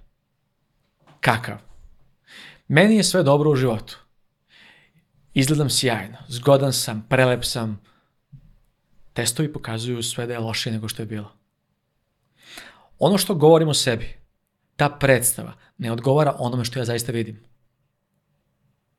I onda se, onda sam pronašao novo istraživanje koje kaže da ljudi koji imaju visoko samopoštovanje, kada govore pozitivne afirmacije, da nemaju neke pomake. Oni koji imaju nisko oni se osjećaju još gore. Međutim, ljudi koji izgovore afirmacije, koji su u skladu sa njihovim, sa realnom slikom sebe o sebi i sa nekim malim napretkom koji, hož, koji žele da ostvare, sve se poboljša. Dakle, naš mozak želi da zna šta se dešava zaista. Želi da otkrije pravu stvar, poteškoću, problem i opciju. Šta ćeš uraditi da to, da to ostvariš, da to uradiš. Eto, Japanci su otkrili da su biciklisti trč, vozili više do otkaza bicikl. Mi smo otkrili, znači ja sam otkrivao,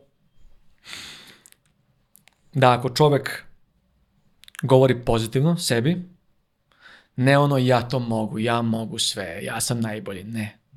Govori pozitivno sebi u mentalnim slikama koje govore šta bi neki ideal ili neko koji je njima značajan, heroj, junak.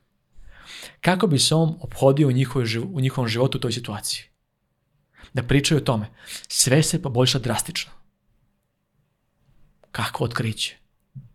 Tek treba da snijemo o tome jednu epizodu koju želim da ljudima pokažem koliko je to bitno. Opcije su bitne. Koje opcije? Nečega što vi smatrate da, bi, da je možda nemoguće.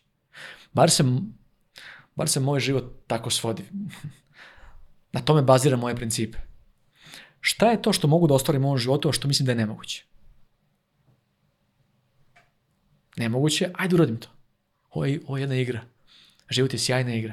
Pokušavaj sve što možeš. Najveća moguća dostignuća. Uradi, probaj. Na kraju saznaš da li ti imaš to što je potrebno. Da, i tu si, da se vratim na onu temu, dosta se bliži tom momentu pretrenih ambicija koja mogu da upropaste nekom životu. Tako I baš je bitno to suptilno onda balansiranje. Postaviti sebi nemoguć cilj, ali biti nekako i objektivan u skladu sa njim. Probati da ga izvedeš. Sam ne možeš Delikatno tako lako. Je, da. Pisanje je fenomenalna stvar. Mm -hmm. Prijatelji, bračni partneri, to su odlične strategije za nastavak života i to nema nikakve dileme. Mm -hmm. Međutim, toliko deluje jednostavno da ih svi izbegavaju. Svi traže neku bolju tehniku neki bolji sistem, neku bolju stvar, da im pomogne neka tehnika disanja. E, ja sam radio zajedno sa medicinskim fakultetom, radili smo zajedno istraživanje disanja, kako disanje deluje na, na razne varijable u našem telu. I to opet vidimo da tehnika disanja može da pomogne. Mm -hmm. Funkcioniše. Međutim, ne pomaže ako ti tako ne izabereš. Šta ti znači disanje ceo dan? Ništa. Međutim, ako odeš u neku nelagu, neki problem, i tu kažeš, ajde pokušam da dišem lagano. Neko te ne jako. Ti ne reaguješ nego smiriš se. Dobro. Šta vidiš? Osobu koja nema kontrolu. Mm. Šta radim sad? Ko? Ja biram tako. Pokušavam da vidim kako ona razmišlja. I shvatam da je ona u afektu, da je, da je totalno iracionalna, da nema jasne poglede na svet. I sad ću ja da joj kažem da, je, da ona nije u pravu. Kažem, pričat ćemo o tome drugi put. Ja tako radim. Kad se svi smirimo, kad ovo nema smisla. Jer i ta druga osoba ne želi da bude ugrožena. I da njen stav koji je možda i krut i rigidan, sad bude odbačen moramo uvijek da znamo i šta se događa, ako mi tako izaberemo. Izaberi da ti bude bolje i bit će ti bolje. Drastično bolje, možda. Možda ti bude bar malo bolje. Da e, kada ustaneš ujutru da te dočeka porodica koja je srećna i koja je zadovoljna što si baš ti njihov otac ili partner ili, ili majka ili šta god. I to su ti mali izbori koje čovjek mora da pravi u životu. I to nema nikakve dileme. Volao bih zaista da ljudi pokušaju da ohrabre sebe bar malo. Neka se ohrabre, neka. Disciplina je ključna. Biti profesionalan, to je ključno. Šta bi radio profesionalac u tvom životu? Kad ti se pokvari veš mašina. Mm -hmm. To je u prevodu preuzimanje uh, identiteta, a ne nekog cilja. I to je ono što je... Ciljevi su bitni. Da, da, ali ti upravo to trebaš da, da. radiš na tome šta bi radila osoba koja treba da postigne taj određen cilj. Ha, ko... I tu se sve menja. Tako je, koji su ti veštine neophodne? Da, znači, da. mi znamo ako imamo cilj, ako ostvarimo taj cilj, korak do tog cilja, aktiviramo dopaminski sistem i analgetike takođe. Znači, mm. bukvalno se dopamin se aktivira, ali nema bola toliko. Neverovatno. Imaš cilj, napraviš korak ka cilju, dopamin ide njegovi nivoi se podižu, ali se aktivira i drugi sistem koji je vezan za analgetički mehanizam. Bol nije toliko veliki. Zato je potraga za ciljem beskompromisna.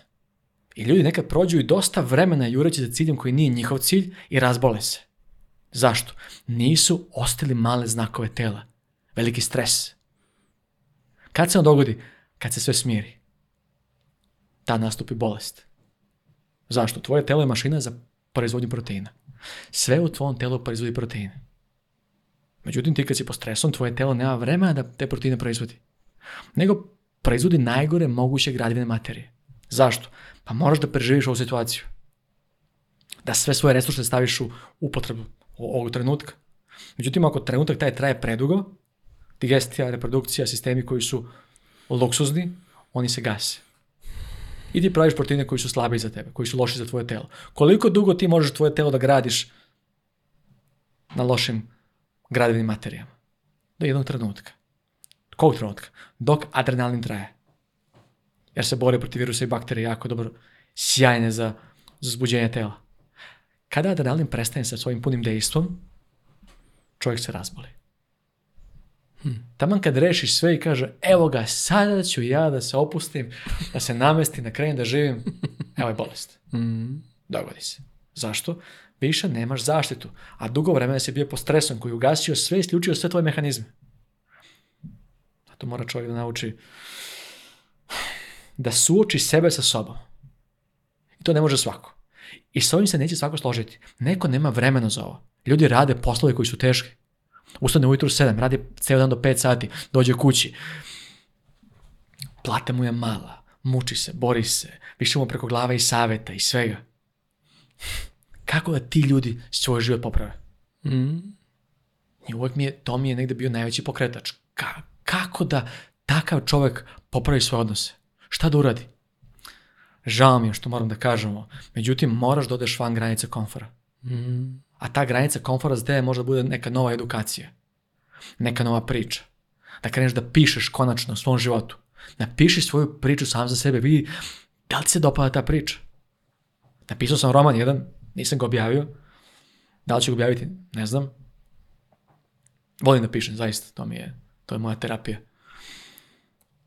Počinje tako što čovjek stoji na mostu i planira da se ubije. i pomišljam na to da postoji knjiga jedna u kojoj piše tvoj život, ceo tvoj život, od prvog do posljednjeg dana. Kako je pristupio tom životu? Prvo je pogledao strane, vidio bi da 35. 25. aprila te i te godine u 4.53 ujutru ti hoćeš da se ubiješ. Šta je dovoljno toga? Da brzo. Aha. 5. maj, tri godine pre, zakasnio si u kuću, kad je otac ubio i majku, i sina, i čerku. A ti si došao i to si sve video. I ubio sebe. Šta bi on radio u toj knjizi? Došao bih ranije. Zbog čega je to otac uradio? Još se vrati. Treba mi nastavak, treba mi nova knjiga u njegovom životu aha, tu je on izgubio sebe u tom trenutku. Odluka da to uradi je napravljena pre nekoliko godina. Svaki izbor koji napravimo je urađen i napravljen pre nekoliko godina. Međutim, sledeća stvar, taj mladić priča, više ne bi gledao taj trenutak, ne gledao bi koliko knjiga još ima strana. Koliko ću živjeti kakvi me događaje očekuju. Čitao bi tu knjigu sa jako velikom preciznošću. On se okreće, voz treba da najđe i pogleda nju, neku devojku, stoji na stanici i postidi se svega što je ikada pomislio.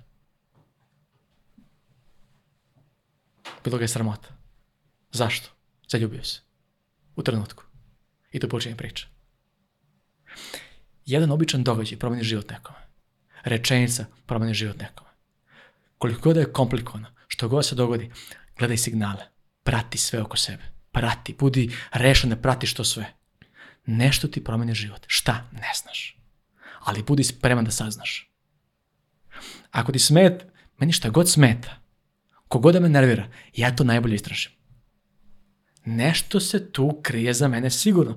Čim toliki otpor imam ka tome? Mm. Svi isto pričaju. Dobro, šta pričaju to? Ne vidim zbog čega mi to smeta. Aha, pa to pričam ja isto. Zato mi smeta. Sve se krije, ako ti tako izabereš. Sve jednostavno. I nebitno je čime se čovek bavi. Znači, sama činjenica da si u ovoj u ovoj formi života u kojoj si, imaš mogućnost za tim o čemu ti sad pričaš i to je ono što je poenta. Ne da će nešto to nekome da da trenutno rešenje, nažalost mislim da živimo u društvu u kom se sve više promovišu ta laka rešenja mm. i onda ljudi zanemaruju da su uvođenje tih nekih pozitivnih promena. Gledam po svom životu od kad sam krenuo da radim kosmičke putnike, ja sam potpuno morao da reorganizujem svoj život zato što imam i neke druge projekte i doslovno shvatio da moram sebe da dovedem u red po pitanju mm. nečega o mm. čemu možda ranije nisam razmišljao. I to je mukotrpan proces. Mm. I nije lako, ali znaš da je mogućnost za promenu moguća. Mm. I to je ono što je najbitnije, samo mislim da je to jako isto bitno napomenuti, da, jedna rečenica može da promeni život, ali budi spreman da uložiš onda neki trud. Mm. Jer ono zaista može da te stavi na, na taj neki put, ali ti ćeš morati da ga prepešačiš sve jedno da to ne može da svako. Da... da. Ne može svako. Moja pišem enciklopediju jednu u svim stvarima koje sam mm. istraživao. Od disanja, govora sebi, fitoncida, dejstva da biljaka, šume, prirode. Želim da jednu veliku enciklopediju stane ljudima sve što, zna, što deluje, što znači. Da mogu otvore strane i pogledaju kako se izlečio Jiro Murai, japanski filozof koji je smrtno obolao i rekao porodici da ga ostavi u šumi. I nakon 7 dana dođe po njegovo telo. Oni se vratili, on je bio izlečen. Želim ljudima da dam priče kako su neki ljudi u tome uspeli. Ali sam odustao da izbacim tu knjigu pre ove, zato što je ova bitnija. Mm. Bitnije. To je rečenica obi... šta bi uradio superheroj tog filma? Šta bi uradio? Međutim, ovo nije knjiga pozitivna. Ovo nije knjiga prepuna nekih finih, lepih motiva i stvari. Zapravo ona je opomena. Opomena, tako je. Jer njen kraj je dosta komplikovan. Mm. I tu govorim ljudi o mračnom predelu i ubicama života. Žao zaista mi je žao što neki ljudi dozvole sebi da tek tako prođe ovaj život. Mm. Žao mi je istinski. Toliko mi je žao da nekad sedim u kolima i onako bude mi teško. Žao mi je kad sam i u sportu tom pa gledam ljude kako, kako prelaze svojim, svojim snovima, svojim životima. Možda sam malo empatični po prirodi. Aj, Ako im kažeš da to tako rade, neće uraditi. Neće. Treba im neka njihova rečenica. Neki novi čovek koji će kaže ono što njima prija. Neka žena, nek, neko ko je za njih značajan. I to čita život meni iz korena. Negde, malo mi je dosadila čitava filozofija i priča i stvari su jednostavne. I toliko su jednostavne. Imaš malu platu, teško je mnogo, razumem, mnogo je teško. Ja sam nosio, neću pričam više o tome, kako sam živao i šta sam, kako sam. Međutim, znao sam da tražio sam rešenje. Od mog kuma, tastu, njemu pričam stalno, čovjek me fascinira. 70 72 godine, 70 godina ima kada je njemu predložio da zasade lešnike i da za 20 godina od toga ubiraju plodove rada. Imaju konstrukciju finansijsku. 70 godina on planira za 20 godina događaje. Kaže čovječe, 70 pa godina, koliko će živjeti? Ima cilj. Neki, napravio ga je. To je korisno. Zašto komplikujemo stvari u životu?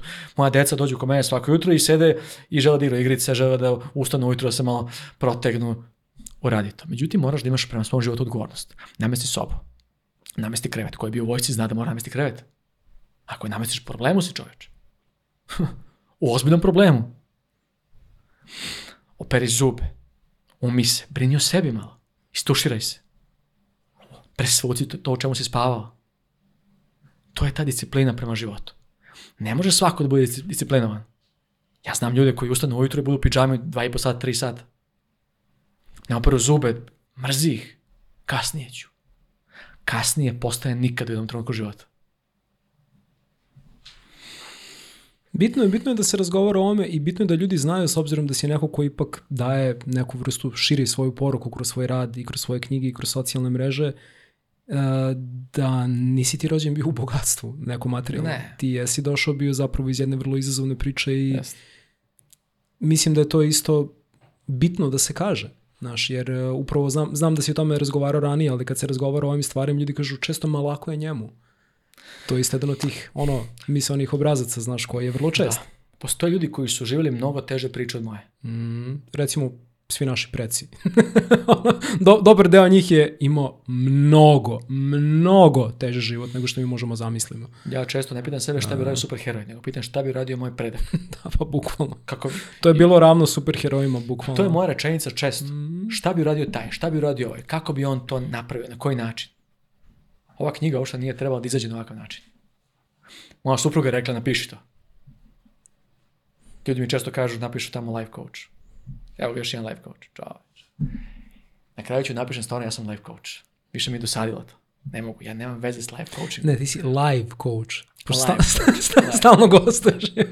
Zato što očigledno su ti, mom, ti ljudi da. koji, koji, sebe, koji imaju te diplome i koji mm. deklarišu sebe kao životni treneri, oni vero, to su, sli, to su iste životne stvari. Mm. Nema tu mnogo filozofija, religija, svi, iste su, postulati su isti, vrednosti su identične. Međutim, kako će neko to da ti kaže? Na koji način? I to je, to je jednostavno. Nemoj da tražiš probleme tamo da ih nema. O svakoga što vidiš, posmatraš, uzmi nešto od njega. Uzmi nešto od njega. Nauči. Danas iz ovoga što ti ja pričamo, nešto bi mogli da naučiti obojica, mm. ako tako izaberemo. Mm. Međutim, očekuje nas dan. Kakav? Nemaš pojma. Ni ti, ni ja. Ko zna šta može se dogoditi? Možda napade neki čovjek na sred ulice, što je rekao ja moj prijatelj, slušaj, šetam ulicom sa ženom u Njorku, ja kod ovaj prijatelj, rekao sam grad da bi se prepoznao, namjerno, i prilazi pijenica neka na ulici, poludrogiran, i krene da vređe i mene, men, i mene i ženu. Ja vidim da sam već, da je on veći od mene, da je jači od mene, možda ima nož, ja se sklonim i odem. I tad se osetim najlošije ikada u svom životu. I pomislim, kako li me sad gleda moj deda koji se borio protiv Turaka, je pradeda, šta su, pradeda, čukundeda, šta, kako on to doživljava? Šta bi rekao sa vidi gove moje? I tu je rečio da preuzme stvari u svoje ruke. Krenuo je na borilački sport odmah. Da pokuša da sebe osposobi bar malo bar da, da da sebi neku šansu da njegova žena pored njega se osjeća dobro. I ženama je bitno da ima, imaju pored sebe muškarca koji je, koji je stabilan, koji je čvrst, koji nešto možda im da. Na kraju isto on treba da ima porodicu, treba da ima decu, potomstvo, ko će da ih čuva, kilavi muškarac. Nije realno. Osposobi sebe. Spremi se za teške stvari u životu. Ali nemoj da misliš da će one doći. Nego budi spreman. Šta god to značilo za tebe. Iskopaj podrumu stavi zimnicu, kreni u teretanu, vežbaj, idi na bordački sport, čitaj više, s ljudima se druži, pravi saveze. Zašto? Nikad ne znaš kada će ti neki prijatelj trebati. Međutim, nemoj da praviš saveze iz koristi. Već budi ti, ne, ti nekom savez isto. Tebi su bitni ljudi koji su tu za tebe, nego oni što, koji mogu nešto ti daju. Najviše stvari sam dobio u životu od onih koji nisam očekivao ništa. Očekivao sam mnogo toga od nekih ljudi koji su mi obećavali. Tamo da puno obećavaju ponesi male kofere. Na kraju su mi pomogli oni koji mi nisu obećavali ništa, od kojih nisam očekivao ništa. Ja danas tako živim. Trudim se da neki ljudi koji teško žive ili da ja mogu da utičem nekim mojim glasnom, razumom, rečima, da im pomognem. Zašto? Oni to ne očekuju. Jer su meni pomogli najviše ljudi od koji nisam očekivao ništa. Što je vrlo zanimljivo. Da. da, da. I tako nekada dolazi. Ovo što si rekao je bilo ona, sjetim sam se da one isto izreke, opet neke rečenice koje menjaju život. I drago mi što smo nekako ovaj razgovor poveli u tom nekom smeru. Um, bolji budi ratnik u bašti nego baštovan u ratu. Jeste. To je to. Jeste. Pa definitivno je bolje. da, da. Naravno, da li to ljudi često misle ako sad oni se spreme da budu opasni, da se bore, da je to velika šansa da oni sad postanu neki veliki ratnici. Mala je šansa. Mm. Trebaju ti godine rada, discipline, svega da bi ti nešto zaista mogao da uradiš. Ali se dobro osjećaš zbog sebe. Juriš ka nečemu. Kao onome ko bi mogao da postaneš. Kao osobi koja bi ti mogao da postaneš. Kakva je ta osoba? Hrabra osoba. Kako da postanem hrabrim majkom u poljubim? Šta da uradim? Ne znam. Postani jači za početak. Reci ono što ti smeta, to je druga stvar. Postani razumni, budi tolerantni prema ljudima oko sebe.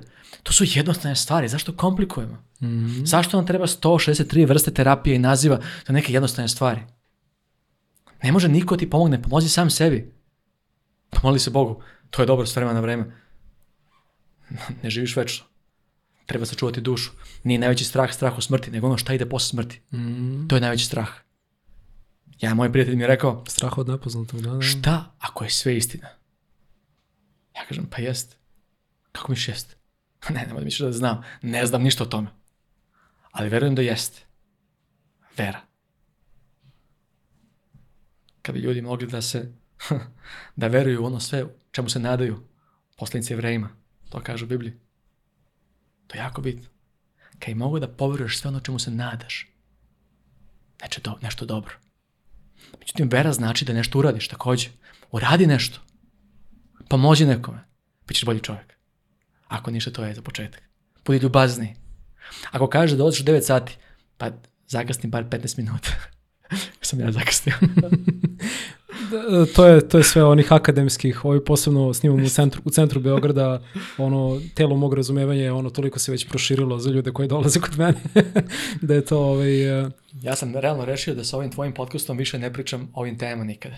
To sam mhm. rekao danas mojoj ženi, ovo će biti poslednji put da razgovaram o ovim temama.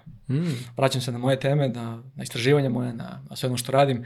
Mislim da tu ljudima mogu da, da pružim mnogo informacija koje su zaista drugačije, koje su zaista bitne više ne želim da razgovaram o istim stvarima jer su one jednostavne.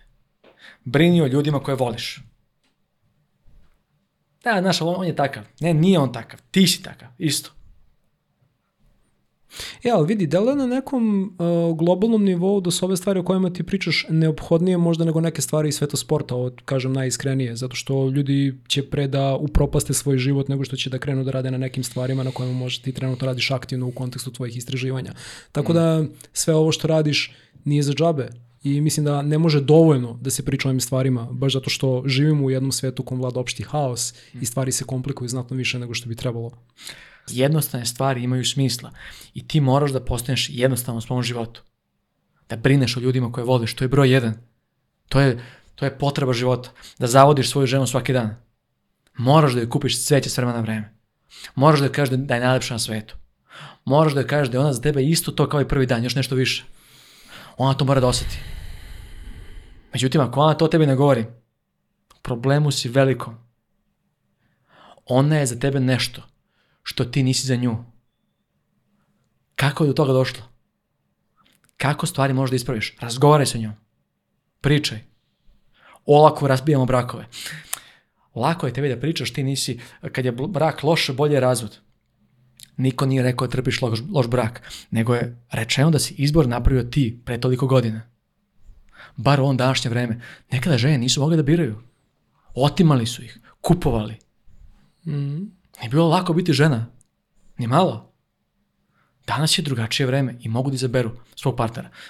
S druge strane, mnogo je muškaraca koji su takođe žrtve nasilja od svojih žena. O tome se toliko ne priča. Mnogo ih ima. Mm To nije šala. Sigurna luka postaje pakao. Mm Tamnica. Gde te mučeš svaki dan. I od tebe traže odgovore na, koje ti ne znaš.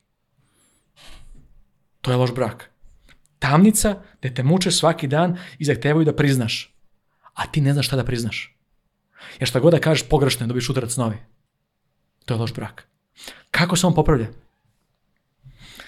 Subotu veče, sve sam organizovao, deca idu kod mojih prijatelja, oni ih čuvaju, ti i ja kao nekada, izlazak, spremi se, dolazim po tebe, neću biti kući, doću spreman po tebe,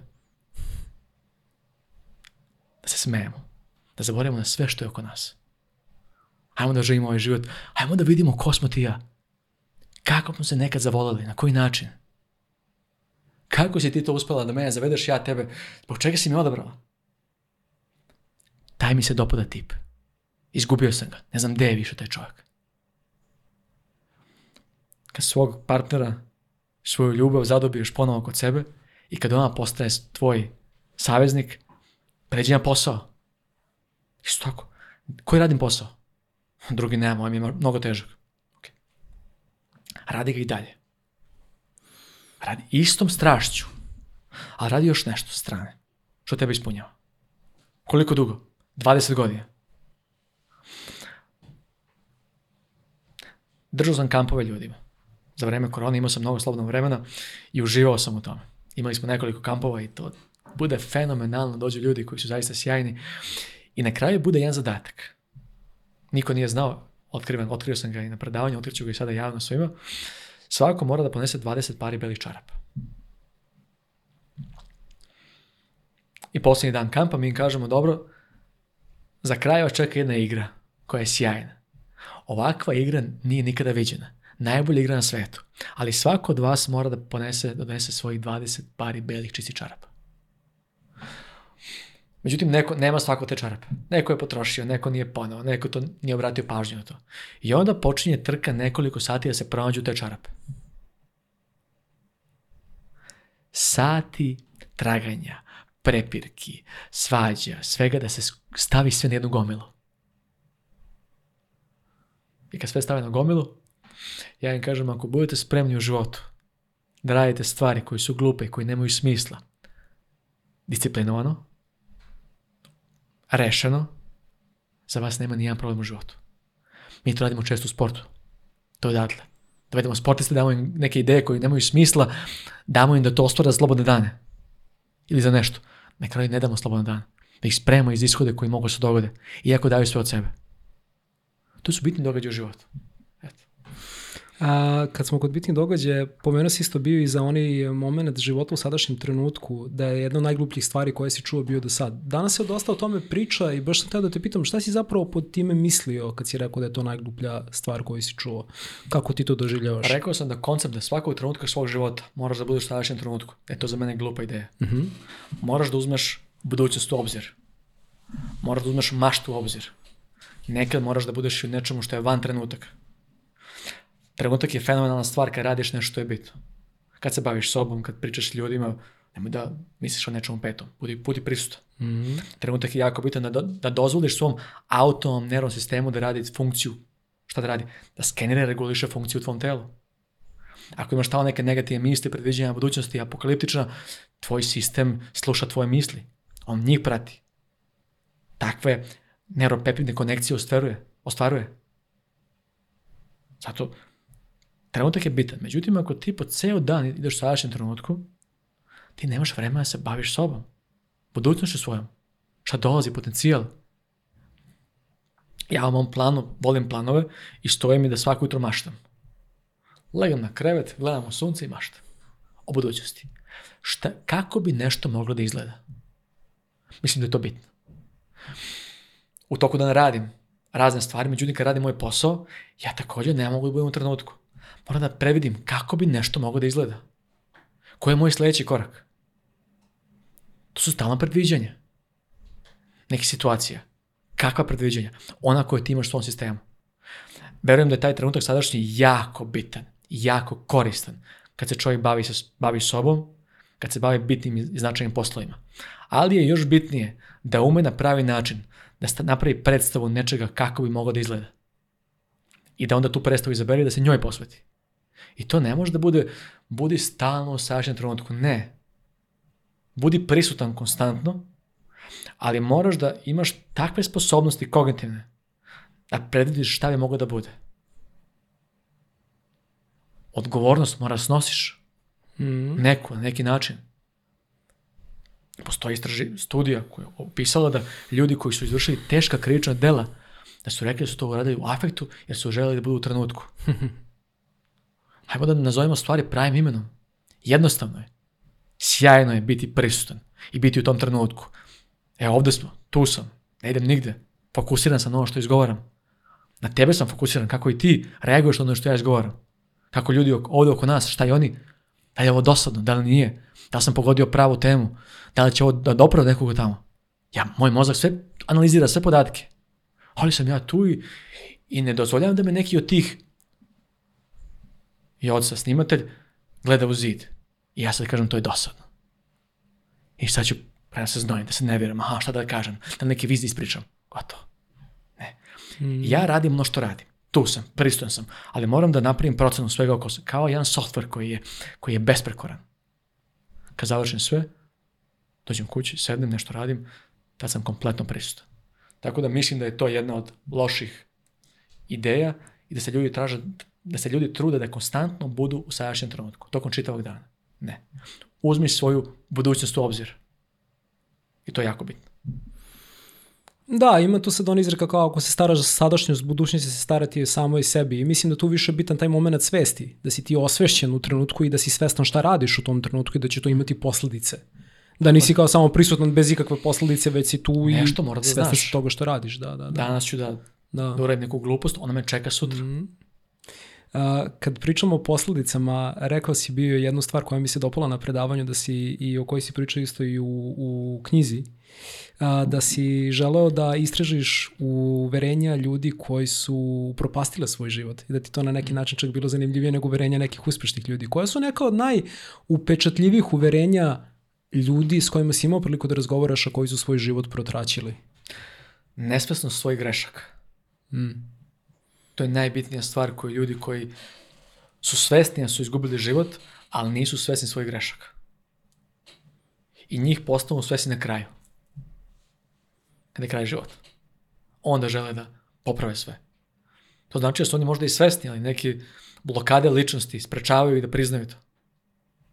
Postoji mnogo tih, ja sam ih nazvao tihe ubice života. Postoji ih mnogo. Svako ima neku, neku, neku svoju, zbog čega on svoj život protraći. Negde nisu mi interesantni bili ljudi koji su uspeli toliko, koliko ovi koji, ni, koji za sebe smatraju da nisu uspeli. Neko je rekao da mu je tvrdoglavost uništila život. Neko to što je savio leđa drugima. Neko to što nije vežbao uopšte. Neko što nije rekao stvari na, u pravom trenutku neko što je izabrao pogrešnu osobu i, nije, i video je male signale, ali nije obratio pažnju njih. Mnogo je tih ubica života. I svako od nas može da pogleda ljude oko sebe. I svi znamo dobro šta oni pored nas rade pogrešno. I šta rade loše. Ali ne znamo uvijek šta radimo mi pogrešno i loše. Zato smatram da je jedna stvar jako bitna. Uzmi papir, olovku i piši. Pored kakvih ljudi ne bi želao da provodiš vreme?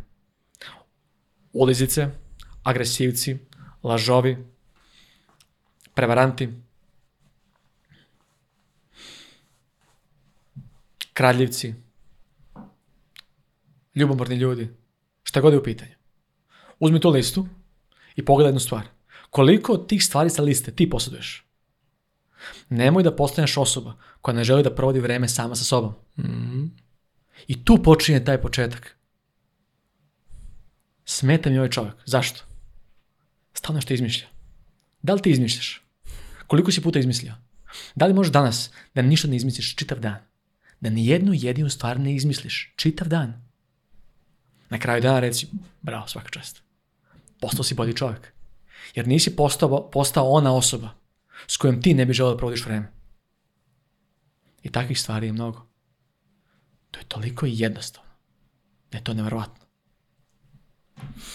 Um, kada si pričao o vrednostima, polako bi sad želao da zaokružimo ovu našu priču. Uh, rekao si mi da si jedan deo svog života sad bio posvetio istraživanju nekih drevnih mudrosti i ideja i a, na bukvalno naučnom istraživanju zašto one rade. Koja je bila neka od ključnih izreka koje si istražio da ti onako da si možda izvršio neki najdelotvorni eksperiment po pitanju njene funkcionalnosti, da si konkretno otkrio zbog čega ona radi. To je bila ova koju smo pričali već. Ona je da. sigurno da? najdelotvornija i najbolje može da se istraži priprema za, za neke teške Aha, događaje. to, da, da, da, da, da, da, Ta bi da, bila, da. verovatno, da smo mogli da napravimo neke razlike u testovima, se vidi direktno. Ima ih mnogo. Toliko ih ima. Međutim, ove ovaj se kriju pričama isto. Uh mhm. -huh. Priča o, o, o caru Trojanu znamo da. i svi, o kozim ušima i tajni.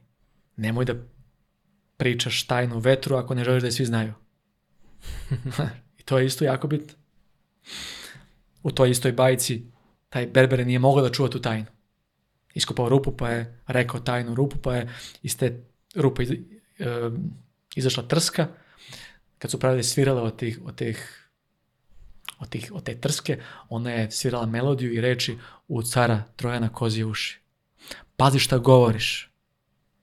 Čekate za ćoška. Sve što kažeš danas, čekate sutra. To se pokazalo toliko puta. Obična priča prošlosti nam je to prenela. Pazi šta pričaš. To je odgovornost. Drugo, hm, hm. neko želi da mi kaže tajnu. Ja kažem ne govori mi, ne želim da je znam. Uglavnom ne želim da znam tajne. Jer, eventualno ako neko, ako moj, neko od mojih ukućana dođe ko mene i kaže mi nešto mora da ti kažem, ovo je poverljivo, ja saslušam. Prijatelj nešto želi da mi kaže, ne želi da znam. Neću tu, to breme tajne. To je jako teško breme. Zato što nisam spreman za to. U jednom trenutku života ću možda biti spreman, sad nisam. Jer znam ako si mi rekao da je to tajna, ona nikad iz mojih, sa mojih usta ne može da izađe a te reči ostaju tu. Reči grade svetove. Na početku beše reč. Reči su komplikovane. Pazi što pričaš. Na kraju pazi što želiš. Možeš li ostvari. Hm. Sviđa mi se to za sam kraj. Treba, trebamo svi da razmišljamo o tome što želimo zaista, zato što može da ima posledice koje nekad ne možemo ni da sanjamo. Mm. Hm. Ove, ovaj, hvala ti na svemu što radiš. Hvala na pozivu. Uživao sam ovde u, u prostori punoj biljaka, prijatni ljudi, sve je bilo zaista sjajno, eto. Stavit ću sve linkove vezano za, i za tvoj sajt, i za Instagram, i za... A, knjige mogu da su... Ti si napisao dve knjige, ima ona knjiga, mislim, se zove Kompas, je li tako? Nije knjiga, to je dnevnik, te ljudi dnevnik. mogu da, da pišu i da ovo što sam pričao o pisanju, da pokušaju sve u, u tom dnevniku. To sve može da se naruče preko sajta direktno? Može, ali ne treba im taj moj dnevnik kompas. Mm -hmm. Konkretno za ovu knjigu, mislim da, recimo, ako, može. Neko, ako neko želi za da kompas treba im sveska i olovka. Aha. I ništa više. Mm. Ja sam tu postavljao pitanja ljudima pa mogu da... Čekaj bre, taj, u moj kompas to je, to je prazna knjiga. Ne, postoje lekcije. Aha, dobro, koje okay. se prate, koje se vodi. Ali Aha, misliš... generalno, zašto filozofiramo kad su stvari jednostavne? Uzmi zapiši šta te muči, odgovori na to pitanje da. i završena priča. Super. Hvala ti puno, hvala svima vama koji ste ostali sa nama do kraja ove epizode. Ovi, nadam se da ste uživali da ste naučili nešto novo. Um, uživajte i vidimo se uskoro u nekoj od novih epizoda Kosmičkih putnika. Ćao. Prijatelj, nešto želi da mi kaže? Ne želi da znam. Neću tu, to breme tajne. To je jako teško breme. Zato što nisam spreman za to. U jednom trenutku života ću možda biti spreman, sad nisam. Jer znam ako si mi rekao da je to tajna, ona nikad iz mojih, sa mojih ustana ne može da izađe. A te reči ostaju tu. Reči grade svetove. Na početku beše reč reči su komplikovane. Pazi što pričaš. Na kraju pazi što želiš, možeš sve ostvari. Hm. Sviđa mi se to za sam kraj. Treba, trebamo svi da razmišljamo o tome što želimo zaista, zato što može da ima posledice koje nekad ne možemo ni da sanjamo. Mm. Hm. Ove, ovaj, hvala ti na svemu što radiš. Hvala na pozivu. Uživao sam ovde u, u prostori punoj biljaka, prijatni ljudi, sve je bilo zaista sjajno, eto. stavit ću sve linkove vezano za, i za tvoj sajt, i za Instagram, i za... A, knjige mogu da su, ti si napisao dve knjige, ima ona knjiga, mislim, se zove Kompas, je li tako? Nije knjiga, to je dnevnik, te ljudi dnevnik. mogu da, da pišu i da ovo što sam pričao o pisanju, da pokušaju sve u, u tom dnevniku. To sve može da se naruče preko sajta direktno? Može, ali ne treba im taj moj dnevnik kompas. Mm -hmm. Konkretno za ovu knjigu, mislim da. recimo to ako, može, neko, ako neko želi za da kompas da uzme. treba im sveska i olovka. Aha. I ništa više. Mm. Ja sam tu postavljao pitanja ljudima, pa mogu da... Čekaj bre, taj u moj kompas, to je, to je prazna knjiga. Ne, postoje lekcije. Aha, dobro, Koje okay. se prate, koje se vodi. Ali, Aha, misliš... generalno, zašto filozofiramo kad su stvari jednostavne? Uzmi zapiši šta te muči, odgovori na to pitanje da. i završena priča. Super. Hvala ti puno, hvala svima vama koji ste ostali sa nama do kraja ove epizode. Ovi, nadam se da ste uživali da ste naučili nešto novo. Um, uživajte i vidimo se uskoro u nekoj od novih epizoda Kosmičkih putnika. Ćao!